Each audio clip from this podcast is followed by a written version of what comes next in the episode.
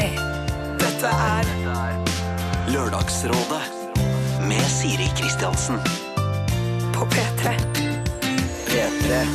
God morgen, du hører på Lørdagsrådet atter en gang, og vi åpnet det hele med Clean Bandits og da låta Rather Be. Eh, vi fikk inn en mail til Lørdagsrådet for ikke så lenge siden, og jeg må innrømme at jeg skvatt litt. For jeg tenkte her er det noen som tuller litt med meg. Fordi det eh, jeg, Altså, åpningen av mailen hørtes ut som deler av mitt eget liv. Da tenkte jeg nå er det noen som har sett sitt snitt til å eh, snikkonfrontere meg på min egen arbeidsplass eh, på, i sendetida. Eh, det dreier seg om verdens beste naboer på verdens beste sted. Alt er fryd og gammen, og det er det jeg kjenner meg igjen i. Men selvfølgelig kommer det noe etter mennene, og det er her det rakner. Og det er også her jeg med eh, lettet hjerte kunne stige av problembussen. For hvor ille er det ikke å havne i trøbbel med naboene sine? De bor jo der, så uansett eh, hvilken eh, utgang du velger på det, om du konfronterer eller om du lar det være, eller om du tar hevn, eller uansett løsningen på naboproblemet, så vet jeg at du må på en måte eh, stå til ansvar for det du valgte hver eneste dag, med mindre du flytter. Og det er litt drastisk når man er oppe i åra og har barn og gressplen og alt det der. Eh, Så jeg, jeg, har masse medfølelse for eh, eh, kvinnen som sendte inn dette problemet. Vi skal ta det snart, bare vente på rådgiverne. De er på vei i heisen, tror jeg. Enn så lenge så skal vi ta et lite tilbakeblikk på en annen jente som fikk hjelp i påsken. Hun, hun og jeg valgte å egentlig høre på rådgiverne i påsken. Det er ikke sikkert det var så lurt. Der burde jeg profesjonelt bare ha skåret gjennom, gått for det jeg selv tenkte. For det skar seg litt, rett og slett. Du får høre litt mer om dette rett etter at vi har hørt eh, Big Bang og deres eh, Welcome to the Mountains. Lørdagsrådet. På P3. P3. Big Bang, altså. Welcome to the mountains, synger de. Jeg sier heller velkommen tilbake, for påsken er absolutt over. Eh, I påsken så hadde vi jo selvfølgelig Lørdagsråd som eh, vanlig. Eh, Line Verndal var her, Lars Berrum var her, og Synnøve Skarbø var her. Og vi tok tak i et eh, påskerelatert problem. Det var en jente som var på eh, dealeren med en fyr, og hun var av typen som likte å gi gaver og virka som en ganske sånn eh, morsom og søt jente, da. Og hun ønsket altså å legge et påskeegg på trappa til denne gutten som hun var fascinert av. I det egget skulle det ligge altså, kule ting, sånn spill og øl og potetgull og litt sånn guttepåskeegg, som hun tenkte kunne være sånn hyggelig å komme hjem til fra påskeferie. Eh, Jeg var skeptisk til om det var så lurt at hun rett og slett kunne skremme han bort, selv om intensjonen var eh, god. Line, Lars og Synnøve derimot, de var positive til det hele og ga blant annet eh, disse rådene. Ja, er ikke det kjempekjekt å få, da? Mitt svar er ja. Kjør på. Kjør på. Ja. Det er humoregg. For det er litt sånn øl og spill og, og Følte sånn. ikke at det var så mye humor involvert der. Var det det? Jo, men det er liksom spill sånn og godteri? Ja, det er et jævla svært egg òg. Hvis han, hvis han liker henne, så er det kult. Og hvis han ikke er så kjempeinteressert, så er det utrolig kleint. Er det litt sånn? Ja, men Ja. da finner hun i hvert fall ut av det. Det, er ikke- det er ikke så jævla seriøst egg, da. Nei. Jeg tror det går litt på seriøsiteten i innholdet i egget. Dette er Lørdagsrådet. på P3. P3. Vi har nå fått en mail fra den eh, jenta, og hun skriver til oss. Kjære Lørdagsrådet. Jeg regner med at dere har hatt skyhøye, skyhøye lyttertall på forrige podkast, da jeg har hørt svar på spørsmålet mitt ca. 230 ganger, og jeg har bedt alle vennene mine høre på også. Eh, Det skal jeg sjekke. Da spørsmålet mitt ble tatt opp, eh, hadde jeg for lengst lagt egget på trappa hans og begynte å få kalde føtter for hele ideen. Det var lite kontakt mens fyren var på ferie, og klumpen i magen vokste seg bælfeit. Det var derfor godt å høre deres positive diskusjon om egget og rådet om å kjøre på. Jeg ble faktisk så sikker på responsen at jeg planla å sende dere hele takkemeldinga fra han for å vise hvor bra det hadde gått. Problemet var bare at det slett ikke gikk så bra. Da han hadde vært hjemme i vel et døgn uten å gi lyd fra seg, dumpa han meg på SMS, rett og slett fordi han ikke er forelsket i meg, sa han. Jeg tror han tror at egget betydde 'nå skal vi bli kjærester'. Hehehe, står der. Tror for øvrig dere hadde helt rett i at påskeegget er kult hvis fyren er interessert, og hvis ikke er det en deal-breaker. Trøster meg med at det blir en jævlig god historie, som allerede har skapt masse latter i gjengen med spørsmål som kan vi be han returnere egget? Og jeg skulle gjerne hatt et påskeegg til denne godteposen her, jeg.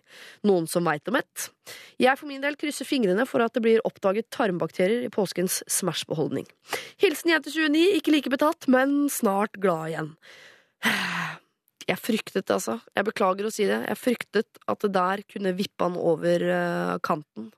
Altså den kanten som avgjør om han er forelsket eller ikke. Han var nok antageligvis ikke så forelsket i utgangspunktet, og da blir det jo bare rett og slett feil. Men jeg er enig at det er en god historie, og jeg er glad for at du sender oss eh, tilbakemeldinger. Og jeg håper at du snart treffer en fyr som er like kul som deg, og som verdsetter påskeegg like høyt som deg.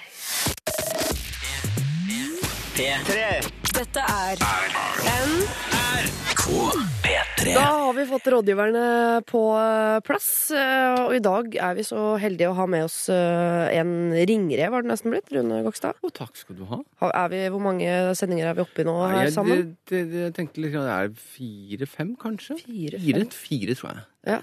Det er hyggelig, da. Ja, man ringer dem allerede da, altså? Ja, men jeg ser deg mye, vet du, for Ja, vi har det er 20 spørsmål Ja, sammen, og ikke sant, ses jo i gangene. Ja. Så det føles uh, mye, men på ingen måte nok. Så flott. Eh, takk. Og så har vi med Torbjørn eh, Harr. Ja. Eh, holdt på å si Torbjørn Rød Harr, for den røden ligger så inni min uh, munn. Oh, ja. Med en gang Ja. jeg sier Torbjørn. Eh, det skal jeg ikke gjøre igjen. Men uh, du har også vært med før. Vi har vært med en gang før, Ja. Mm. Det var koselig, det. Det var helt topp. Jeg, jeg, hvis jeg ser rart på deg, så er det fordi jeg, eh, jeg ser så mye på Frost om dagen, denne barne-Disney-filmen, og der eh, spiller jo du en sentral rolle. Ja, i hvert fall stemmen, ja. Det er, du er han nå, inni mitt Ja, hode. det er bra. Altså, du har ved siden av deg nå står en liten snømann med gulrotnese som kan snakke, Ja, og reinsdyr på andre siden. og et reinsdyr, og Ja. en eh, slags prinsesse som har et frosset hjerte. Ja. sånn er det. Skal vi se å få varmet opp i løpet av sendingen.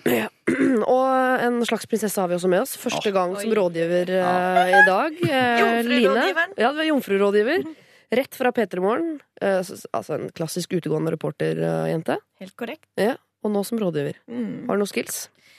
Oi! Eh, er det lov til å si? Jeg føler at ja, absolutt. Jeg har mange venner som faktisk ringer meg og spør om råd. Er det sant? Ja, Men eh, jeg ringer jo de også, så kan ha noe med det å gjøre. Ja. Er det da, sier du det rett ut sånn som det er, eller sier du nei, herregud, ikke tenk på det, du er ikke sånn, og det må være han, og Jeg innbiller meg at jeg sier det rett ut. Ja, ja vi får se, da. Mhm. Vi får se. Det er lettere her, da. Når det ikke er nære venner av seg selv, men eh, folk der ute, faktisk. Eh, Kjapp runde på hva dere driver med for tiden. Rune? Uh, ja, det var Det kom litt brått på. Eh, Øystein, jeg har kjørt Sør-Amerika på tvers uh, i vinter. Ja. Eh, åtte uker. To uker for lenge. Hvilke land er man innom da? Da, begynner, da begynner man med å kjøpe seg en bil i Lima i Peru. Ja. Og så er, var i hvert fall planen å kjøre eh, Peru, Bolivia, Chile, Argentina, Paraguay, Brasil og Uruguay, og så ende opp i eh, Buenos Aires. Det er ikke rett linje over på tvers, det. Det Nei, er litt ikke- sånn nei, det, er, det er en liten sånn snurr opp eh, og nordover i Paraguay. Ja. Eh, så vi eh, sitter og prøver å bistå de som klipper det programmet, Ja. uh, med råd og tips. Jeg er overrasket at dere overlevde den turen. da Ja, jeg er like lykkelig hver gang jeg kommer hjem. Jeg. Ja. det er, Det er Klassisk Det drap. helt fantastisk ja, du, det, var, det, det, var, det var både spennende og utfordrende. Velkommen hjem. Takk. Eh, Torbjørn, hva driver du med om dagen? Jeg eh, er snart på vei til Budapest. Skal spille inn denne første delen av Birkebeiner eh, som film som vi har holdt på med. Ja. Um, og så er jeg akkurat ferdig nå på Nationaltheatret spille Shakespeares sonetter. Så det var Det var variert, Flotte greier. eh, variert liv. Men du, dette bare for å, Det er ikke alle som vet om denne Birkebeiner-filmen. Bare så man ikke tror det er en sånn dokumentar om Birkebeiner-rittet med eh, Jon Almaas i hovedrollen. Ja, nei, han øh, ville Han meldte seg, på, han skjønte hva det var, så trakk han seg igjen. Nei, det er liksom det ordentlige Ja. rittet. Det første med øh, lille Lilleprinsen. kongen, lille prinsen, kongen, Kongen. Håkon i bagasjen. Som visstnok veide 2, et eller annet kilo. Og derfor har de en sekk med 2,1 kilo når det går dette moderne Birkebeinerrittet. Men som mor så må jeg bare si at det stemmer jo ikke. Altså, Han må jo ha veid mye, mye mer. Mye, faktisk. mye mer, men han har vært veldig, veldig underernært. øh. Vi hadde jo ikke med et embryo i sekken. Det må sies. Eh, Line, vi har egentlig sagt hva du driver med for tiden, men for alt jeg vet så har du noen spennende noen biprosjekter. Nei. Nei? Det er Petter Moren for alle poenga. Ja, jeg prøver å bli flink til å lage mat. Det prøver jeg på fritida, og så prøver jeg å pusse opp Ja. en leilighet. Du prøver å bli voksen. Prøver å bli voksen. Det går ikke så bra, egentlig. Men åssen er det med sivilstatusen din, da? Kan du jo gå over på det? Eh, Oi, der er det noe. nei, det er ikke Nei! Jo, jo, der er det. Nei, det er ingenting. Ok, Er det noen som blir lei seg nå, som hører på? Nei, nei da. Nei da. Eh, Singel bor i egen leilighet, da, med andre ord. Ja, som driver nettopp og kjøpt pusser opp. altså, Det er virkelig på vei inn i voksenlivet. Har du studielån? Jepp. Det er greit å vite, tenker Jeg jeg. vet ikke hvor mye jeg For betaler i måneden. folk som skulle være interessert. Ikke sant? Hvis man trenger råd om slikt. Eh, Torbjørn, er det ting som før? Uh, ja, her er ting som før, ja. Ja. Åssen var det igjen? Kone, to er barn? Nei, du har tre, tre barn er det blitt nå, så det er kanskje ikke som før, nei. Tre barn er det blitt. Ja, Shit. Går det rundt? Så vidt. Gratulerer. Eh, Rune, jeg, Jeg- håper for all del at alt er som før der Alt er som før. Jeg har en sønn som eh, har flyttet til Bergen for å studere. Ja. Så vi bruker rommet hans nå til å plassere alt det som vi ikke har plass til i huset. Dere har fått roterom? Sykler- Jeg har fått ordentlig, ordentlig roterom. Så jeg kan sette inn sykkelen min til min kones store fortvilelse. Altså, det må jeg si er litt stusslig når man flytter hjemmefra, så plutselig blir rommet ens et lager. Det er kjedelig å komme hjem til også. Bare Ja, si det. men vi passer på å ta ut, eller jeg passer på å tømme det for, eh, for alt jeg har satt inn der før han kommer hjem. Så det ser veldig, det ser veldig originalt ut, altså. Men jeg er enig med deg i Ja. prinsippet der, altså. Det er ikke, det er ikke bra, dette her, altså. Er det ikke mer skummelt å komme hjem til foreldrene sine på besøk, og så har de gjort om rommet ditt til sånn museum, og alle tingene lå som de lå når den dagen du dro hjemmefra sånn? Da hadde jeg eh, fått kalde gufs i ryggen. Men uh, jeg, jeg syns roterom høres helt nydelig ut. Jeg, Rune. Mm. jeg gleder meg sjøl til uh, får noe, to roterom ekstra i huset. Ok, vi skal straks gå over i rollen som rådgivere, alle mann. Eh, men eh, først eh, et lite musikalsk avbrekk. Dette er Lørdagsrådet. På P3. P3. Vi skal ta morgenens første problem, og dagens rådgiver er Rune Gokstad, Line Elvsgrefseragen Helt, helt korrekt. Mm, og Torbjørn Harr. ok, kjære Lørdagsrådet. Jeg har et problem som jeg håper dere kan hjelpe meg med. Jeg er en kvinne som har samboer og nylig fått barn nummer to. For noen år siden flyttet vi til vårt drømmehjem. Et drøyt år etter fikk vi nye naboer. De er i samme livssituasjon som oss, med små barn og drøm om et koselig liv på landet. Veldig fint å ha slike naboer både for oss og barna. Men min samboer og nabodama har blitt i overkant flørtete med hverandre. Jeg opplever det som om tonen dem imellom har blitt mer enn bare vanlig hyggelig. Jeg har prøvd å slå det fra meg, men dette blusset opp igjen fordi jeg har observert at hun har klemt og luktet på genseren til samboeren min, og at samboeren plutselig kjøpte blomster til henne på bursdagen hennes. I seg selv er ikke det så ille, det er bare det at han aldri kjøper blomster til noen, bortsett fra til meg, da.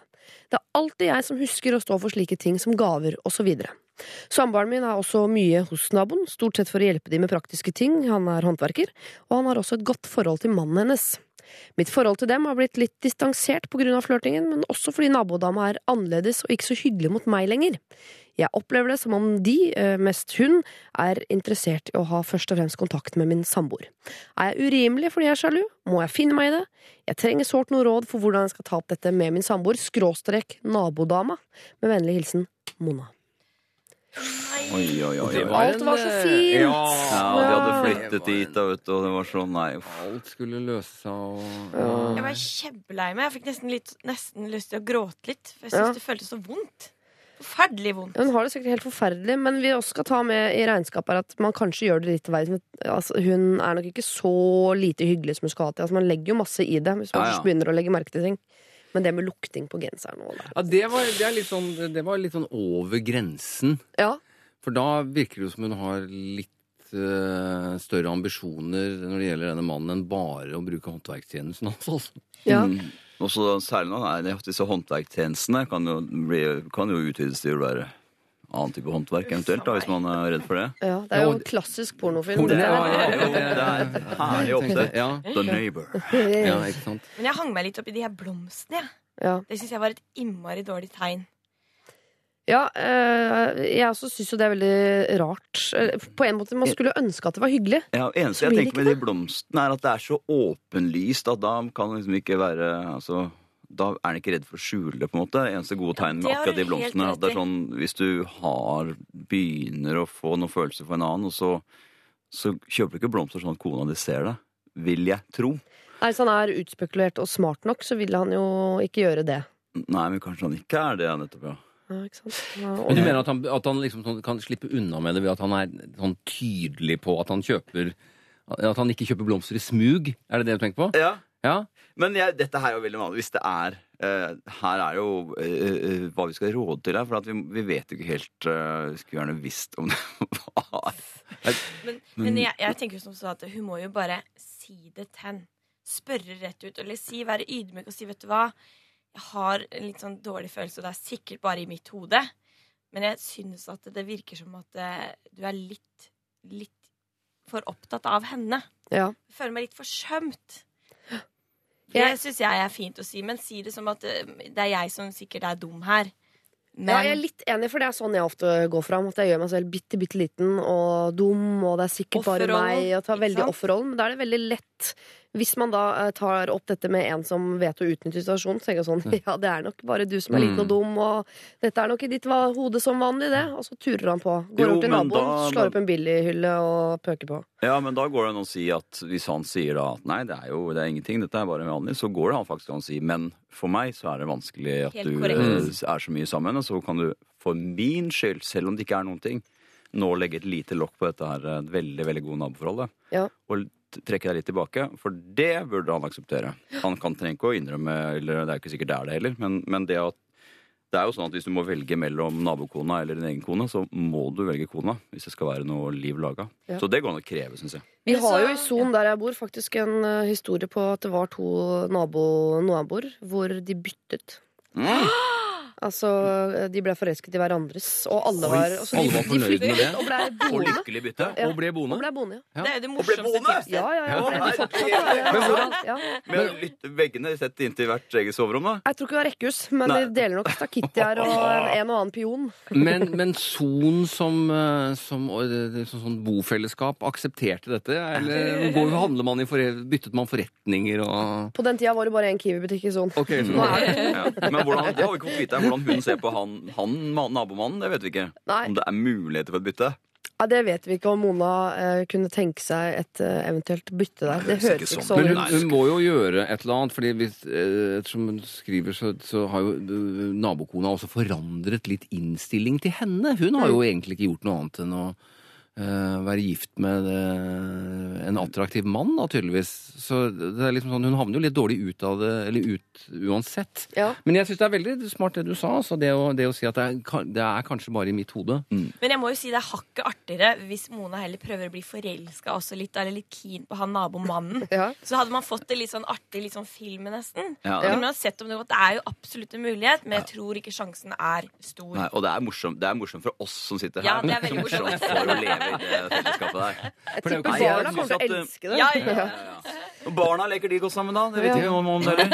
Men jeg syns at det går an i sånne situasjoner så går det an å si det at øh, Det kan godt hende at jeg er helt ute, men for min skyld så syns jeg du bør være litt mindre sammen med henne. Jeg har vært å spille på det der, det bildet som hun jo malte ut først der, som vi ble så glad i. Sånn, vi flyttet hit, nydelig hus, vi har to barn, naboer, perfekt. Altså, for dette, denne filmen kunne vært så fin. Men nå, det at du er sånn og sånn mot henne, og jeg har observert sånn og sånn, gjør at, eh, at jeg, jeg klarer ikke å nyte denne filmen, liksom. Og det har ikke noe å si om han er forelsket i henne eller ikke. Nei, Det er bare overfor henne overfor sin egen kone må han liksom gjøre Ta det vare annerledes. på henne, kjøpe blomster til henne. ja, han gjør jo det også, da. Det syns jeg jo er positivt. Hun får også faktisk blomster. Men jeg er litt nysgjerrig på den nabodama også, for jeg kan kjenne meg litt igjen i eh, Jeg er en sånn som blir fort kompis med gutter. Og jeg kan også bli fort kompis med kjærester av venninner. Hun kan jo være en sånn dame. Som bare, hun, at hun ikke tenker på det helt, at Hun bare er kompis. Men hun har jo forandret som hun skriver, litt sånn innstilling til henne underveis. Ja, men Det kan ha begynt hos Mona, at hun har sett dette. Da hun sier jo jeg er litt distansert, jeg har trukket meg unna. Og da blir naboen Ja, tenke sånn det Å ja, kan du vil ikke ha så mye med meg å gjøre lenger. Nei, det var dumt, for jeg er jo innmari god kompis med mannen din. Mm. Ja da. Men det er en, jeg, jeg- jeg mener at det er en ganske sånn gyllen regel at man kan godt ha gutte og være i kompiser, gutt og jente, Mm. og være i et kjæresteforhold. Og ha en kompis av en annen kjønn. Det er helt uenig. Men ikke å Egentlig så er det ikke greit å få en ny kompis av et annet kjønn etter at man har blitt sammen med den man er Jeg sammen er med. helt uenig. Og jeg er enig i prinsippet, men jeg klarer ikke å gjennomføre det i praksis. Nei. Nei men ikke sånn, er det sånn hvis du, hvis du er, For det er en sånn, De man kan, kan gå bare og være sammen med én og én, liksom. En sånn gutte- og jentekompis. Så kan man sammen og gjøre ting bare på egen hånd. uten Ja, sin nei, egen. det er, jeg hadde ikke sagt sagt Jeg har blitt venn med en fyr han heter Roger, du skal på kino. Den, altså, det hadde jeg ikke kunnet si hjemme. Nei. Nei men man Så blir så det, det, det er, det kan, så man de kan ikke holde på sånn så veldig mye på egen hånd, syns jeg, disse naboene. Nei, det er jeg enig i. Altså, de, de to kan ikke være for mye sammen. Og så syns jeg eh, jeg blomster er ille, og det der med lukting på genseren for meg er faktisk ganske intimt. Men er det, er, det var ikke sånn at han skulle lukte Å nei, det var nabodama sin. Den må jeg legge der. Det er ikke sånn. Han skal hun- sjekke om det var Jeg har observert at hun har klemt og luktet på genseren til samboeren min. Oh, ja, nei, det sånn, ja.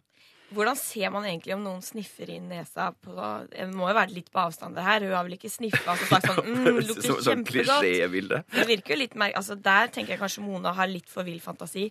Kanskje i huet sitt. Ja, for jeg har nå sett for meg at denne genseren er på mannen når hun Ja, lukter på den. Men det kan være at han har vært og slått opp så mye billig bokhyller og lagt igjen en svett T-skjorte og tenkt det er noe som stinker her, kan det være denne T-skjorta? Ja, det er det. sånn, det så jeg for meg. Ja. For jeg jeg så for meg at du at hun sto sånn og luktet Ja, at, sånn at, er, armgropen. at hun er på besøk Ja. hos dem. Og liksom sånn, og det er henger, nei, men så henger den eh, genseren over en stol, Ja. og at hun tar den opp. Og, Ja, ja, ja. Det, det, det bildet der så jeg. Ja. Åh. Mm, Der var der er det, det ja. det, da har det kommet langt, vet du. ja. Da har det kommet langt. For jeg syns jo det luktinga var det absolutt eh, Jeg, vil aldri, jeg går ikke og lukter på venner av meg. Jeg gjør ikke det, Men lukten av min egen mann er jo helt sånn at det er jo den beste lukta i hele verden. Mhm. Eh, bedre enn barn, faktisk. Men hva gjør hun? hun har lov, vi er helt enige om at eh, hun ikke er urimelig. Det spør hun om. Du er ikke urimelig, Nei, det- så sjalu, for alle her reagerer på nabokona. Ja. Må du finne deg i det? Nei. Nei.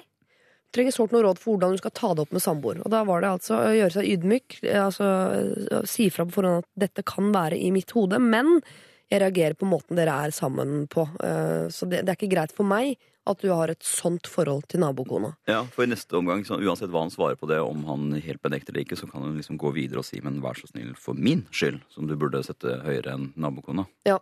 Så Moda, vær ydmyk, men vær streng på at uh, det er faktisk deg han først og fremst skal ta hensyn til. Det er dere som er sammen, det er dere som bor sammen, det er dere som har barn.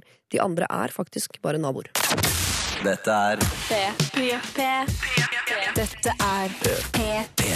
Torbjørn har kommet deg opp i deilig sittehøyde. Ja. litt sånn godt, godt ute i programmet. Eh, alle vi andre jobber jo i NRK, så vi er jo godt kjent med spakene på disse stolene. Og vet Fikk noen det tips av. Rune her, så det gikk ordna seg. Ja. Det er godt å kunne se deg i øynene. Ja, jeg Ja. vet, Når man sitter for lav, så blir det sånn lavere status helt med en gang. Hvor høy er du egentlig? Du har ubestemmelig høyde. Nettopp.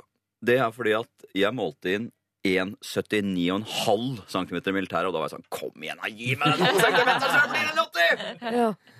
Men for det er egentlig ganske lavt. Da. Men jeg Ja. tenker at du er en høy mann, men samtidig Det er derfor jeg prøver å, prøver å gjøre inntrykk av at jeg er en høy mann. Oppfør deg høyt. Ja. Da må jeg spørre deg, da, Rune. Jeg, jeg trodde jeg var 1,77, eh, og så gikk jeg i vernepliktsboka. Der står det 1,75. Nei! Og det, da er det håp. Kanskje jeg egentlig er 80. Ja, det er ikke umulig, det, Nei. altså. Åh, det. Eh, Men det, altså, det var den følte høyden som var 1,77. Eh, og den skrevne var 1,75, så det, det, det tipper ikke din favør, dette her. Altså. Og jeg blir jo bare kortere og kortere. Man, man blir jo bare kortere og kortere eldre man blir. Man ikke ikke si det, da? Det er fordi hvor- du går for mye shorts. Rune. Hvor lav Ja, da ser du! Det er sånn du, Ja, nå kødder jeg med status. deg. Ja, ja, ja, Hvor høy er du? Kan du gjette, tror du? Ja, jeg, jeg tipper at eh, Jeg kan jo gi deg et 1,63 jeg. Hvis jeg sier at du er 1,65, Det er sånn for å være hyggelig, for det er sånn idealhøyde for kvinner. Ikke, ikke sant? Ja. Men jeg tipper at du er 1,61, jeg. Jeg er 1,57. 57. Er du det, eller? Ja. Ja. Jeg er ganske lav, altså. Men det er jo idealhøyde for deg. Åh, er det det? Mm. Det var hyggelig. Ingen kan jo være større enn man det er. Det er, det er, Det er noe sånn, sånn der, det er en, sånn eh, Tipper at det er dikt om Inger der. For jeg var hos legen for å få sånn voksepiller, men eh, det ble ikke Hva? noe. Du og Jeg var for gammel. Ja. Fikk han også det? Ja, han Og de ville, ja, de ville ikke sette deg på Nei, for jeg var, tida, jeg var for gammel blitt. Å, okay. ikke at du var for- det var ikke- sånn, men du problemer! Vi diskuterer jo! Det er ikke Lørdagsrådet. Det er gøy når du kommer til legen sånn Jeg vil ha voksepiller, slankepiller og allergipiller. Takk. Please. Det ble til et privat lørdagsråd. Eh, Vi får ta og gi eh, råd til en her som eh, er snart 25 år og ønsker å bli et bedre menneske. Eh, Hun skriver jeg er en jente på snart 25 og avslutter denne våren en mastergrad. Mitt problem har jeg egentlig ikke tenkt på før nå, men jeg ser at det i bunn og grunn har vært aktuelt helt siden tenårene. Mitt problem er som følger. Jeg har ingen venner. Jeg har skjønt at folk får et ganske bra førsteinntrykk, men etter en stund opplever jeg at de ikke lenger oppfatter meg som den positive og greie jenta de først trodde jeg var. En forklaring kan være fordi jeg er sykt sarkastisk og kan oppfattes som frekk, spesielt når jeg drikker. Jeg klarer liksom ikke å slutte med det, og vet heller ikke hvordan. Jeg, også, jeg klarte også her for over et år siden å påstå i fylla at uh, venninnen min sin flørt heller var interessert i meg, noe som resulterte i at nesten hele min omgangskrets tok hennes side og sluttet å snakke med meg. Jeg er veldig lei meg og har bedt om unnskyldning, men jeg vet at det ikke kommer til å ordne seg. Så hvordan kan jeg bli en bedre venn? Jeg er blitt eh, ekspert på å brenne broer istedenfor å bygge broer. Jeg er ganske ute å kjøre, for å si det sånn. Altså Hun ønsker å bli et, eh, en bedre venn, men da må man jo antageligvis bli et bedre menneske først. Altså, her er det mye å ta tak i. Ja. Jeg tenker jo umiddelbart så tenker jeg at eh, hun høres jo litt, eh, unnskyld uttrykket, litt hemma sånn sosialt sett. Mm. At hun ikke helt forstår at det er ganske ufint å si Prøve å innbille andre at eh, han fyren der han er mer interessert i meg enn deg, egentlig. Eh, for først tenkte jeg nei, men da har du ikke funnet de rette vennene som ikke liker alle sider ved deg. Mm. Men når du begynner med sånn, så høres det mer ut for meg at hun kanskje må drikke hakket mindre alkohol og begynne å tenke litt mer før hun snakker. Ja, det helt praktiske rådet er å slutte å drikke. da. Ja, jeg syns det høres ut som hun er frekk også Men- Hun er frekk også når hun er edru, altså. Ja, men Det er lettere å gjøre noe med, tror jeg. Ja, Ja, er det det? Ja, Nei, jeg tror, Er ikke det en livsstil? ja, lettere å gjøre noe med det når du er edru. det er lett, ja, det vil Ja. jeg absolutt Jeg, tro. vil- jeg, jeg, jeg tror det var lettere å, å bare slutte å drikke. Ja? Eh, for det Jeg har også sånn det, Nei, jeg mener at det er, lett, det, er lettere å, ja, det er lettere å gjøre noe med når man er edru. Å ja, sånn, ja. ja. Så hvis du slutter å drikke, da har vi et litt Da mindre er vi problem. et skritt på veien. Ja, for jeg er Ja. også sånn som, som blir litt annerledes. Jeg drikker av og til eh, karsk. Altså det, kaffe og hjemmebrent. Ja. Eh, og det, det er sånn godtevondt. Jeg er veldig heldig, for jeg liker vondt brennevin. Ja. Um, og, og, og det er jo ikke veldig godt å drikke det. Og jeg, jeg tåler liksom én eller to. Det, går- det går veldig fint. Men det skjer noe på den tredje og fjerde. Eh, og ikke, ikke noe som jeg blir ikke noe, blir ikke noe slem eller Jo, jeg merker at jeg, at jeg senker terskelen for, for liksom sånn hva, jeg, hva jeg føler at jeg kan si. Uh, og da har jeg funnet ut at vet du, det, det, jeg tror jeg skal gi meg etter den andre, fordi da er jeg en trivelig utgave av meg selv. Full og fin og oppegående, men ikke den der fæle. Så, det, så, så, så for, for henne å slutte å drikke kan være liksom sånn slutte det- det kan- helt? Nei, men, men, men, Finne ut av hva mindre, Drikke mindre. Og i hvert fall drikke mindre sprit. ja, men, men det å skulle kontrollere liksom sarkasmen og dette, eh, dette litt sånn der dårlige sosiale gangsynet når hun er edru, er en, eh, er en kanskje større utfordring, altså. Ja, for for hvis sånne ting bare popper ut av henne uten at hun har kontroll på det Henger ikke det sammen med en eller annen, øh, som så mye annet her i verden, en usikkerhet som gjør at hun altså Det er som små bikkjer som hun føler at hun må Mm. gneldre fra seg. Det ligger en usikkerhet på hun vet ikke hvordan hun skal oppføre seg i sosiale settinger, så hun prøver å redde situasjonen ved å i hvert fall si noe som er litt sånn frekt og morsomt. Og så går hun for langt av og til i den sarkasmen sin. Eh, Og så har hun kanskje da blitt satt i denne eh, sarkasmebåsen, så hun kan ikke plutselig nå, for henne nå bare dukke opp en gang og bare være hyggelig uten sarkasme. Det er sikkert kjempevanskelig.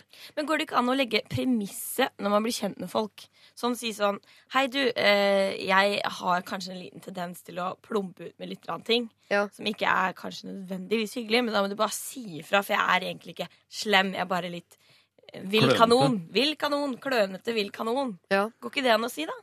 Jo, Eller men virker det også litt rart? Ja, det er veldig det, det er rart å starte eh, bekjentskap med akkurat det, vil jeg tro. Men det er jo sarkasme er jo ikke dumt. Men det er jo den derre kalde kulden eventuelt etterpå som det ligger under her, som er jo sånn sarkasme med varme, er jo helt topp. Så en sånn, hvis hun har en humoristisk, sarkastisk sans, så, er, jo- så skal hun beholde den, men må bare lære seg å, å legge til varme, og ikke minst å unnskylde oppriktig eh, på en måte. må bli veldig flink til å si unnskyld, og det har hun jo gjort, sier hun også, til, på, etter dette med denne flørten, men det virker ikke som det kommer til å ordne seg. Nei, men hvis hun, det, hvis hun har gjort det å- virkelig unnskyldt oppriktig og med varme og virkelig og sånn, så, så skal hun få seg nye venner. For, at da, for det tror jeg det er i et vennskap så må det være lov å gjøre feil og drite seg ut og si noe dust i fylla. Men tenk, tenk deg hvis dette her er en venninne. Jeg, bare- jeg syns jeg ser henne, liksom. Jeg har vært i denne vennegjengen eh, lenge og er van morsom og sarkastisk og sånn, men som alltid har en tendens til å komme med en frekk kommentar. Så etter hver eneste fest så er det en eller annen som har blitt lei seg, for da har hun sagt en sånn eh, Jaså, gitt, ser du har vært mye på bakeren i det siste? ikke sant? Mye sånne der, uh, sårende kommentarer. Og til slutt, da, på toppen av dette med denne flørten, så da er det en gjeng som bare Vet du hva, nå har vi fått nok. Mm. Så da jeg tenker det sånn nå, det, nå orker vi ikke deg mer, og så syns de det er litt deilig å være kvitt henne. Ja. Hvis ikke så hadde jo Det er ikke nødvendigvis ræva folk. Det kan folk. godt hende at det har skjedd, det, men det, da det jo, fins det jo andre mennesker der ute som hun Ja, men Da må hun jo gå videre til en ny vennegjeng. Men da Ja, må hun ikke gjøre samme feilen en gang til. Nei, hun må være der helt til de får nok, og så må hun hoppe til en ny gjeng igjen. Det høres bare veldig slitsomt Men ut. det å bygge opp en vennekrets, det er liksom Det, det tar litt tid, det også, altså. Ja. De fleste av oss har liksom med, med oss en, en del venner sånn enten fra barndommen eller studietiden, og så tyter det på noen etter hvert. Men det er jo liksom sånn Det virker jo som hun er liksom blitt sånn frosset ut, eller blitt eh, utstøtt fra den derre Hun sier jo det at hun har, har ikke så veldig mange venner igjen. Nei. Så jeg vet ikke om jeg Men det, står, det som jeg syns er interessant, er at, er at hun har ikke sett på dette som et problem Før? før, nå. Og så har hun hun er 25, var hun det? Ja. Så, har hatt, og så skjønner hun nå dette har skjedd pågått siden tenårene. Så, så hun har ikke egentlig det, har ikke, hun har, det som er rart, da, er at hvis hun har vært ensom uten så mange venner, så har hun ikke savnet det frem til nå. Jeg tror hun har Eh. hatt venner hele tiden og har alltid vært sarkastisk og frekk mot dem. Og så først nå i en alder av 25 så har hun opplevd da at noen har fått nok. mm. Men jeg har et helt konkret tips når det kommer til det her med å få nye venner. Fordi det var en periode der jeg hadde litt ekstra tid til overs. Og da valgte jeg å bryne på improvisasjonsdans. Ja. Da går man på kurs én gang i uka, og så danser man det kroppen befaler etter musikk. Ja. Eh, og der ble jeg veldig godt kjent med en keramiker på 50 som het Hilde. Ja. Vi ble gode venner. Spilte ingen rolle hvor gammel jeg var eller hun var. Og det anbefaler jeg denne jenta. Mm. Begynn på et kurs eller noe du syns er artig. Er det synkronsvømming? Er det kor? Er det diktklubb? Der Kan du si få én normal hobby, eller? Ja, men, det, er de, det er de jeg har lyst til å begynne på. Jeg synes det var hyggelig. Ridning. Skal fortsette? Kjøp deg en, Makramé, eh, poteter. kjøp deg en grønn topplue. Og Mm. å gå tur i fjellet. Ja, Eh, for det signaliserer det at du da er singel. Ja. Og så og begynn, begynn på nytt der. Ja, for at, jeg- hvis- det, er, det må være lov for denne vennegjengen også å si nei, åh, nå orker jeg ikke mer, liksom. Og da kan vel liksom prøve litt, litt annet sted. Det vil jeg si. Men det tar tid å bygge opp en ny vennegjeng, som eh, Rune sier. Så du må jo også få lov, må prøve å reparere med den forrige. Og, Ja, det går, det går jo an uh, Jeg tror det er litt sånn som å ha, uh, ha et litt sånt avhengighetsforhold til sjokolade eller et eller annet sånt her som du må ha. Hun klarer tydeligvis ikke helt å styre seg i, i sosiale sammenhenger. Og, og, og, så da må hun forholde seg til sånn misbrukere gjør. Altså, du må, du må holde deg unna. Du må tenke at nei, jeg skal gå forbi det kjøleskapet. Nei, jeg skal ikke ta den sjokoladebiten. Jeg skal ikke ta den der drinken ekstra. Og så må hun sitte der og bli en sånn trykkoker og si nei, nå skal jeg prøve eh, å legge all menneskelig tyngde bak og ikke slenge med kjeften. Nei. Og Det kombinert med å gå ut og si vet du hva, jeg har vært en drittsekk eh, og en dustekjerring siden jeg var 15, eh, og nå ser jeg at nå er i ferd med å glippe her, eh, og jeg skal prøve å bli bedre. Og så skal jeg holde meg, skal jeg se om jeg kan få Skal jeg ta ut alt det onde, eh, alt det jeg har inni meg, et annet sted. ja. For jeg har eh, også hatt en tendens til å slippe ut med ting her og der. Som regel er de ikke så innmari frekke. Noen ganger utleverende, men kan også være upassende. Og da har jeg opplevd at jeg bare må prøve å tenke litt mer i situasjonen jeg er i. Være litt mer obs på den konteksten jeg sitter i. Ja. At jeg ikke plumper ut med noe på en svigerfamiliemiddag eller et eller annet sånt. Mm. Se an litt situasjon, og bruk huet og tenk litt fram før du snakker. Men det som jeg synes gir deg håp her, Ja. er at hun selv vet at det er et kjempeproblem der, og hun skylder ikke på noen av andre. Nei, det er hun snakker snakker om seg selv. Det, er, og det betyr at her er, her er håp. Og i det eh, hvordan kan jeg bli en bedre venn? Altså I det ligger det jo at hun i bunn og grunn er et veldig veldig godt men menneske. Fordi hun ønsker å bli en god venn. Så grunnlaget er jo der. Jeg tror bare Oppå grunnlaget så ligger det en usikkerhet som slår ut i sarkasme. Eh, Jeg kan kjenne meg veldig igjen i det, og jeg har liksom nå falt til ro med at vet du hva, av og til er det lov å holde kjeft i sosiale sammenhenger. For de fleste, hvis, jeg, hvis du ser rundt deg, de fleste rundt deg, de glir gjennom livet det, ved å holde munn. Og, bare, eh, og det er dødsirriterende. Og det har du skjønt først nå. Ja, ja, men oss som tar sosialt ansvar, burde egentlig få noen medaljer innimellom. Men det vil jo si at vi også må få lov til oftere å gå på trynet enn de andre. Men eh, det må være lov for folk som tar plass, og innimellom bare trekke seg helt tilbake, holde munn, og la de andre få hjula til å gå. Og blir det stille og rart og kleint sånn, jeg vet hva, det er ikke din jobb å reparere hver gang. Fordi hvis du har en tendens til å plumpe uti, så kommer du til å gjøre det igjen. Det er lov å bare være litt stille. Så det jeg syns jeg hører at du skal gjøre her, er eh, å si unnskyld en gang til til vennegjengen din. på Nydelig ydmyk. Si det du har sagt til oss. Du ønsker å bli en bedre venn, et bedre menneske. Eh, hold munn litt oftere. Vær, tenk i situasjonen du er i. Tenk litt etter. Er det nødvendig å si det jeg tenker at jeg skal si nå? Drikk litt grann mindre. Eh, og bare prøv å kontrollere eh, Kontroller liksom de der utbruddene dine. Jeg tror det kommer fra et eller annet sted som handler om usikkerhet. P3. Dette er Lørdagsrådet med Siri Kristiansen. Vi skal en tur på restaurant, folkens. Rune Gokstad, du blir med. Line Elsås Hagen, du får lov til å være med. Og Torbjørn Hard, du får også selvfølgelig lov til å være med. Jeg driver og eier en restaurant i en av sørlandsbyene med stor uteservering med mat og drikke. Det nærmer seg den store utesesongen, og da dukker det årlige problemet med medbrakt mat og drikke som noen gjester tar med seg. Is, kaffe, brus, pizza, pølser, you name it. Dette hater alle i bransjen, og vi setter opp skilt og forklarer det til gjestene. Jeg syns det er frekt, men av og til må man bare overse det. Mener selv at mat til små barn kan godtas, men når barn og ungdom tar med seg mat fordi foreldrene skal ta en øl for å være i fred, så går det for langt, syns jeg. Det hender også at voksne tar med, eh, tar med seg fra omliggende gatekjøkken, kiosker osv. Vi serverer selvfølgelig barnemeny og dessert. Mitt spørsmål til rådet blir hva, hvor mener dere grensen bør settes? Skal man være totalt nazi, eller må man bare overse det, og hvor går grensen på alder med barn?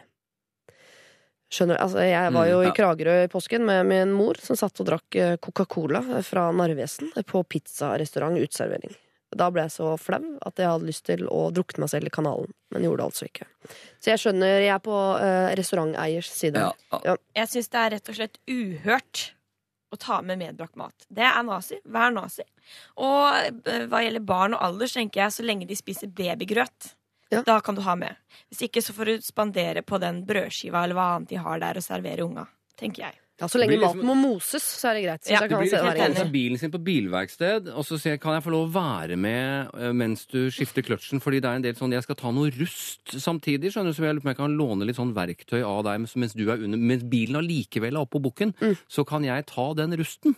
Det er jo, altså... eh, Folk tar for seg. ja, ja, for ikke sant? Og, og hvorfor, hvorfor skal det, liksom, restaurantbransjen være en sånn her bransje som tillater at, at du skal bringe inn eh, sånne ting utenifra? For, for det er jo for å spare penger. Ja, det er jo det det er. Ja, Ja. det er kjipt. Ja, ja, det er, nei, dette er, kjipt. er Hvis det er Jeg kan ikke tenke på at det er folk som driver med det. Det er Ja. Min mor gjorde det. Nei, er det Hun var- Jo, vi, vi, vi var ofte eh, på kafé i byen. Eh, og, sånn, og da hadde hun med seg bolle. Og eh, Hun var et eiergodt menneske, altså. Men hun hadde, og, så, og så delte hun det. Ta, ta en bolle. Nei, så faen, Over eller under bordet? Hun, litt, sånn, litt sånn jevnt. Ta en bolle. Nei, så ha, vi er jo på kafé. Jeg, kjøkken. Jeg sitter jo med en masse liten mazarin her. Jeg skal jo ikke ha noe bolle. Men du kan jo spise en bolle, kan gjøre hva du vil, men da bør du et annet sted enn på en, eh, Ja. en som eier en restaurant. Nei, det, altså, det må jeg bare si til alle som hører på. At det, man må ikke ta med seg medbrakt. Det er verste sort, det. Men midt på sommeren da, og det koker, så vet jeg at det nå er det eh, to timer til jeg får det jeg har bestilt. på en måte. Det er i det hele tatt en time før jeg får meny, og så har du en flaske Imsdal liggende under vogna. Er det lov å ta en liten slurk? Du vet at Jeg skal jo kjøpe noe å drikke og spise uansett. Jeg bare er så tørst nå at jeg klarer ikke å vente på eh, den Imsdalen jeg får om en times tid til 69 kroner. Det høres ut som det er ja, da, men, Ja. eh, men, eh, men ideelt sett så, så må man bare Da må man egentlig Nei, jeg, jeg, jeg syns han skal være nazi. og det, kan man kan, kan få seg sånn eh, i, Det er en del sånne restauranter i Nyøkon som man hører som er sånn, er sånn hissige folk, som folk går der. Ja. For å bli skjelt ut. For da. å bli skjelt ut. Og det er sånn, du må, må få seg et image, liksom. Mm. Man må være helt knallhard på det der. Ja. Eh, så for da blir det et image, og da blir det, er det kult å gå der òg. Nei, det er, han må, kan ikke godta noe som helst. Det han kan gjøre, jeg, jeg hørte en historie, det var min kone, nei, det var en kompis av meg som, som kjørte buss, eh, skulle ta bussen hjem, og så var eh, bussen forsinket. Eh, 20 minutter eller noe sånt. Eh, og så kom det på et, et par som, og han ville ikke betale. Nei. Eh, fordi bussen var så forsinket. Mm. og da skrudde bussjåføren av motoren, eh, og så blir de stående og diskutere. Og så eh, til slutt så reiser eh, min kompis seg opp, og så sier han Du, nå får dere, har alle fått, som, fått med dere denne diskusjonen som foregår. Hvor mange av dere eh, av oss på bussen her syns at han skal betale? Og så var det armene i været hos alle sammen. det er gøy! Så, Mer og, sånn. og hvor mange syns han skal be om unnskyldning? Ja, det var like mange armer, så han måtte A. betale, og B. be sjåføren om unnskyldning. Og man kunne jo, man kunne jo oute eh, litt sånne gjester. Eh, Hvor mange av dere syns det er ålreit av dere som sitter rundt her, for nå har vi en gjest her. Hvor mange av dere syns det er ålreit at han har med seg medbrakt? Det er en liten nistekul, kan ikke du bare holde den opp? Det går jo an. Jo, da, da slutter da, da vet man at eh, da, da sender man i hvert fall ut et signal til de, de øvrige gjestene om at du gjør ikke det, for da kommer restauratøren og tar deg. Men han er jo også interessert i at eh, folk skal tørre å komme og spise på restauranten hans. Hvis ikke så går han jo konkurs. Så han må jo, eh, Jeg er enig i at det der er gøy, men hvis han gjør det sånn fire-fem ganger om dagen, så hadde han ikke å gå litt lenger. gang. Altså. Ja, det holder med en gang. Og da kommer jo, da vil du, kanskje, du vil kanskje ikke ha de gjestene da som tar med medbrakt. Og de kommer jo helt sikkert ikke tilbake. Men alle de andre vil jo sikkert komme tilbake, for tenk, det her står moralen i sentrum. Dette liker vi. Ja. Det er det man er ute etter når man går på restaurant. At moralen er i sentrum. Ja, ja, ja. Ja, ja, det er sjekker jeg først jeg sjekker når jeg kommer på et sted. Men å sette opp et skilt da, og si at vet du, vi har en utfordring fordi vi prøver å leve av dette her. Ja. Eh, og det blir vanskelig for oss eh, hvis eh, brorparten eller en stor andel av våre kunder tar med seg mat. Så vi må dessverre eh, legge et lokk på det. Må må sette opp skilt for det? Skilt Nei, nei, nei, bare bort. Si tydelig, liksom. Enten når dere reiser opp og gå hvis dere spiser det der. Ja. Får ikke være på min restaurant. Det mener jeg. Det mener Ja, jeg. for folk har Ja. slutta å lese skilt. Det henger skilt overalt. Ja, ja, Mora di jobber ikke her. Sett inn oppvaskmaskin. er. Og slutta å lese Men jeg skilt. trekker tilbake den. Jeg må be om unnskyldning nå.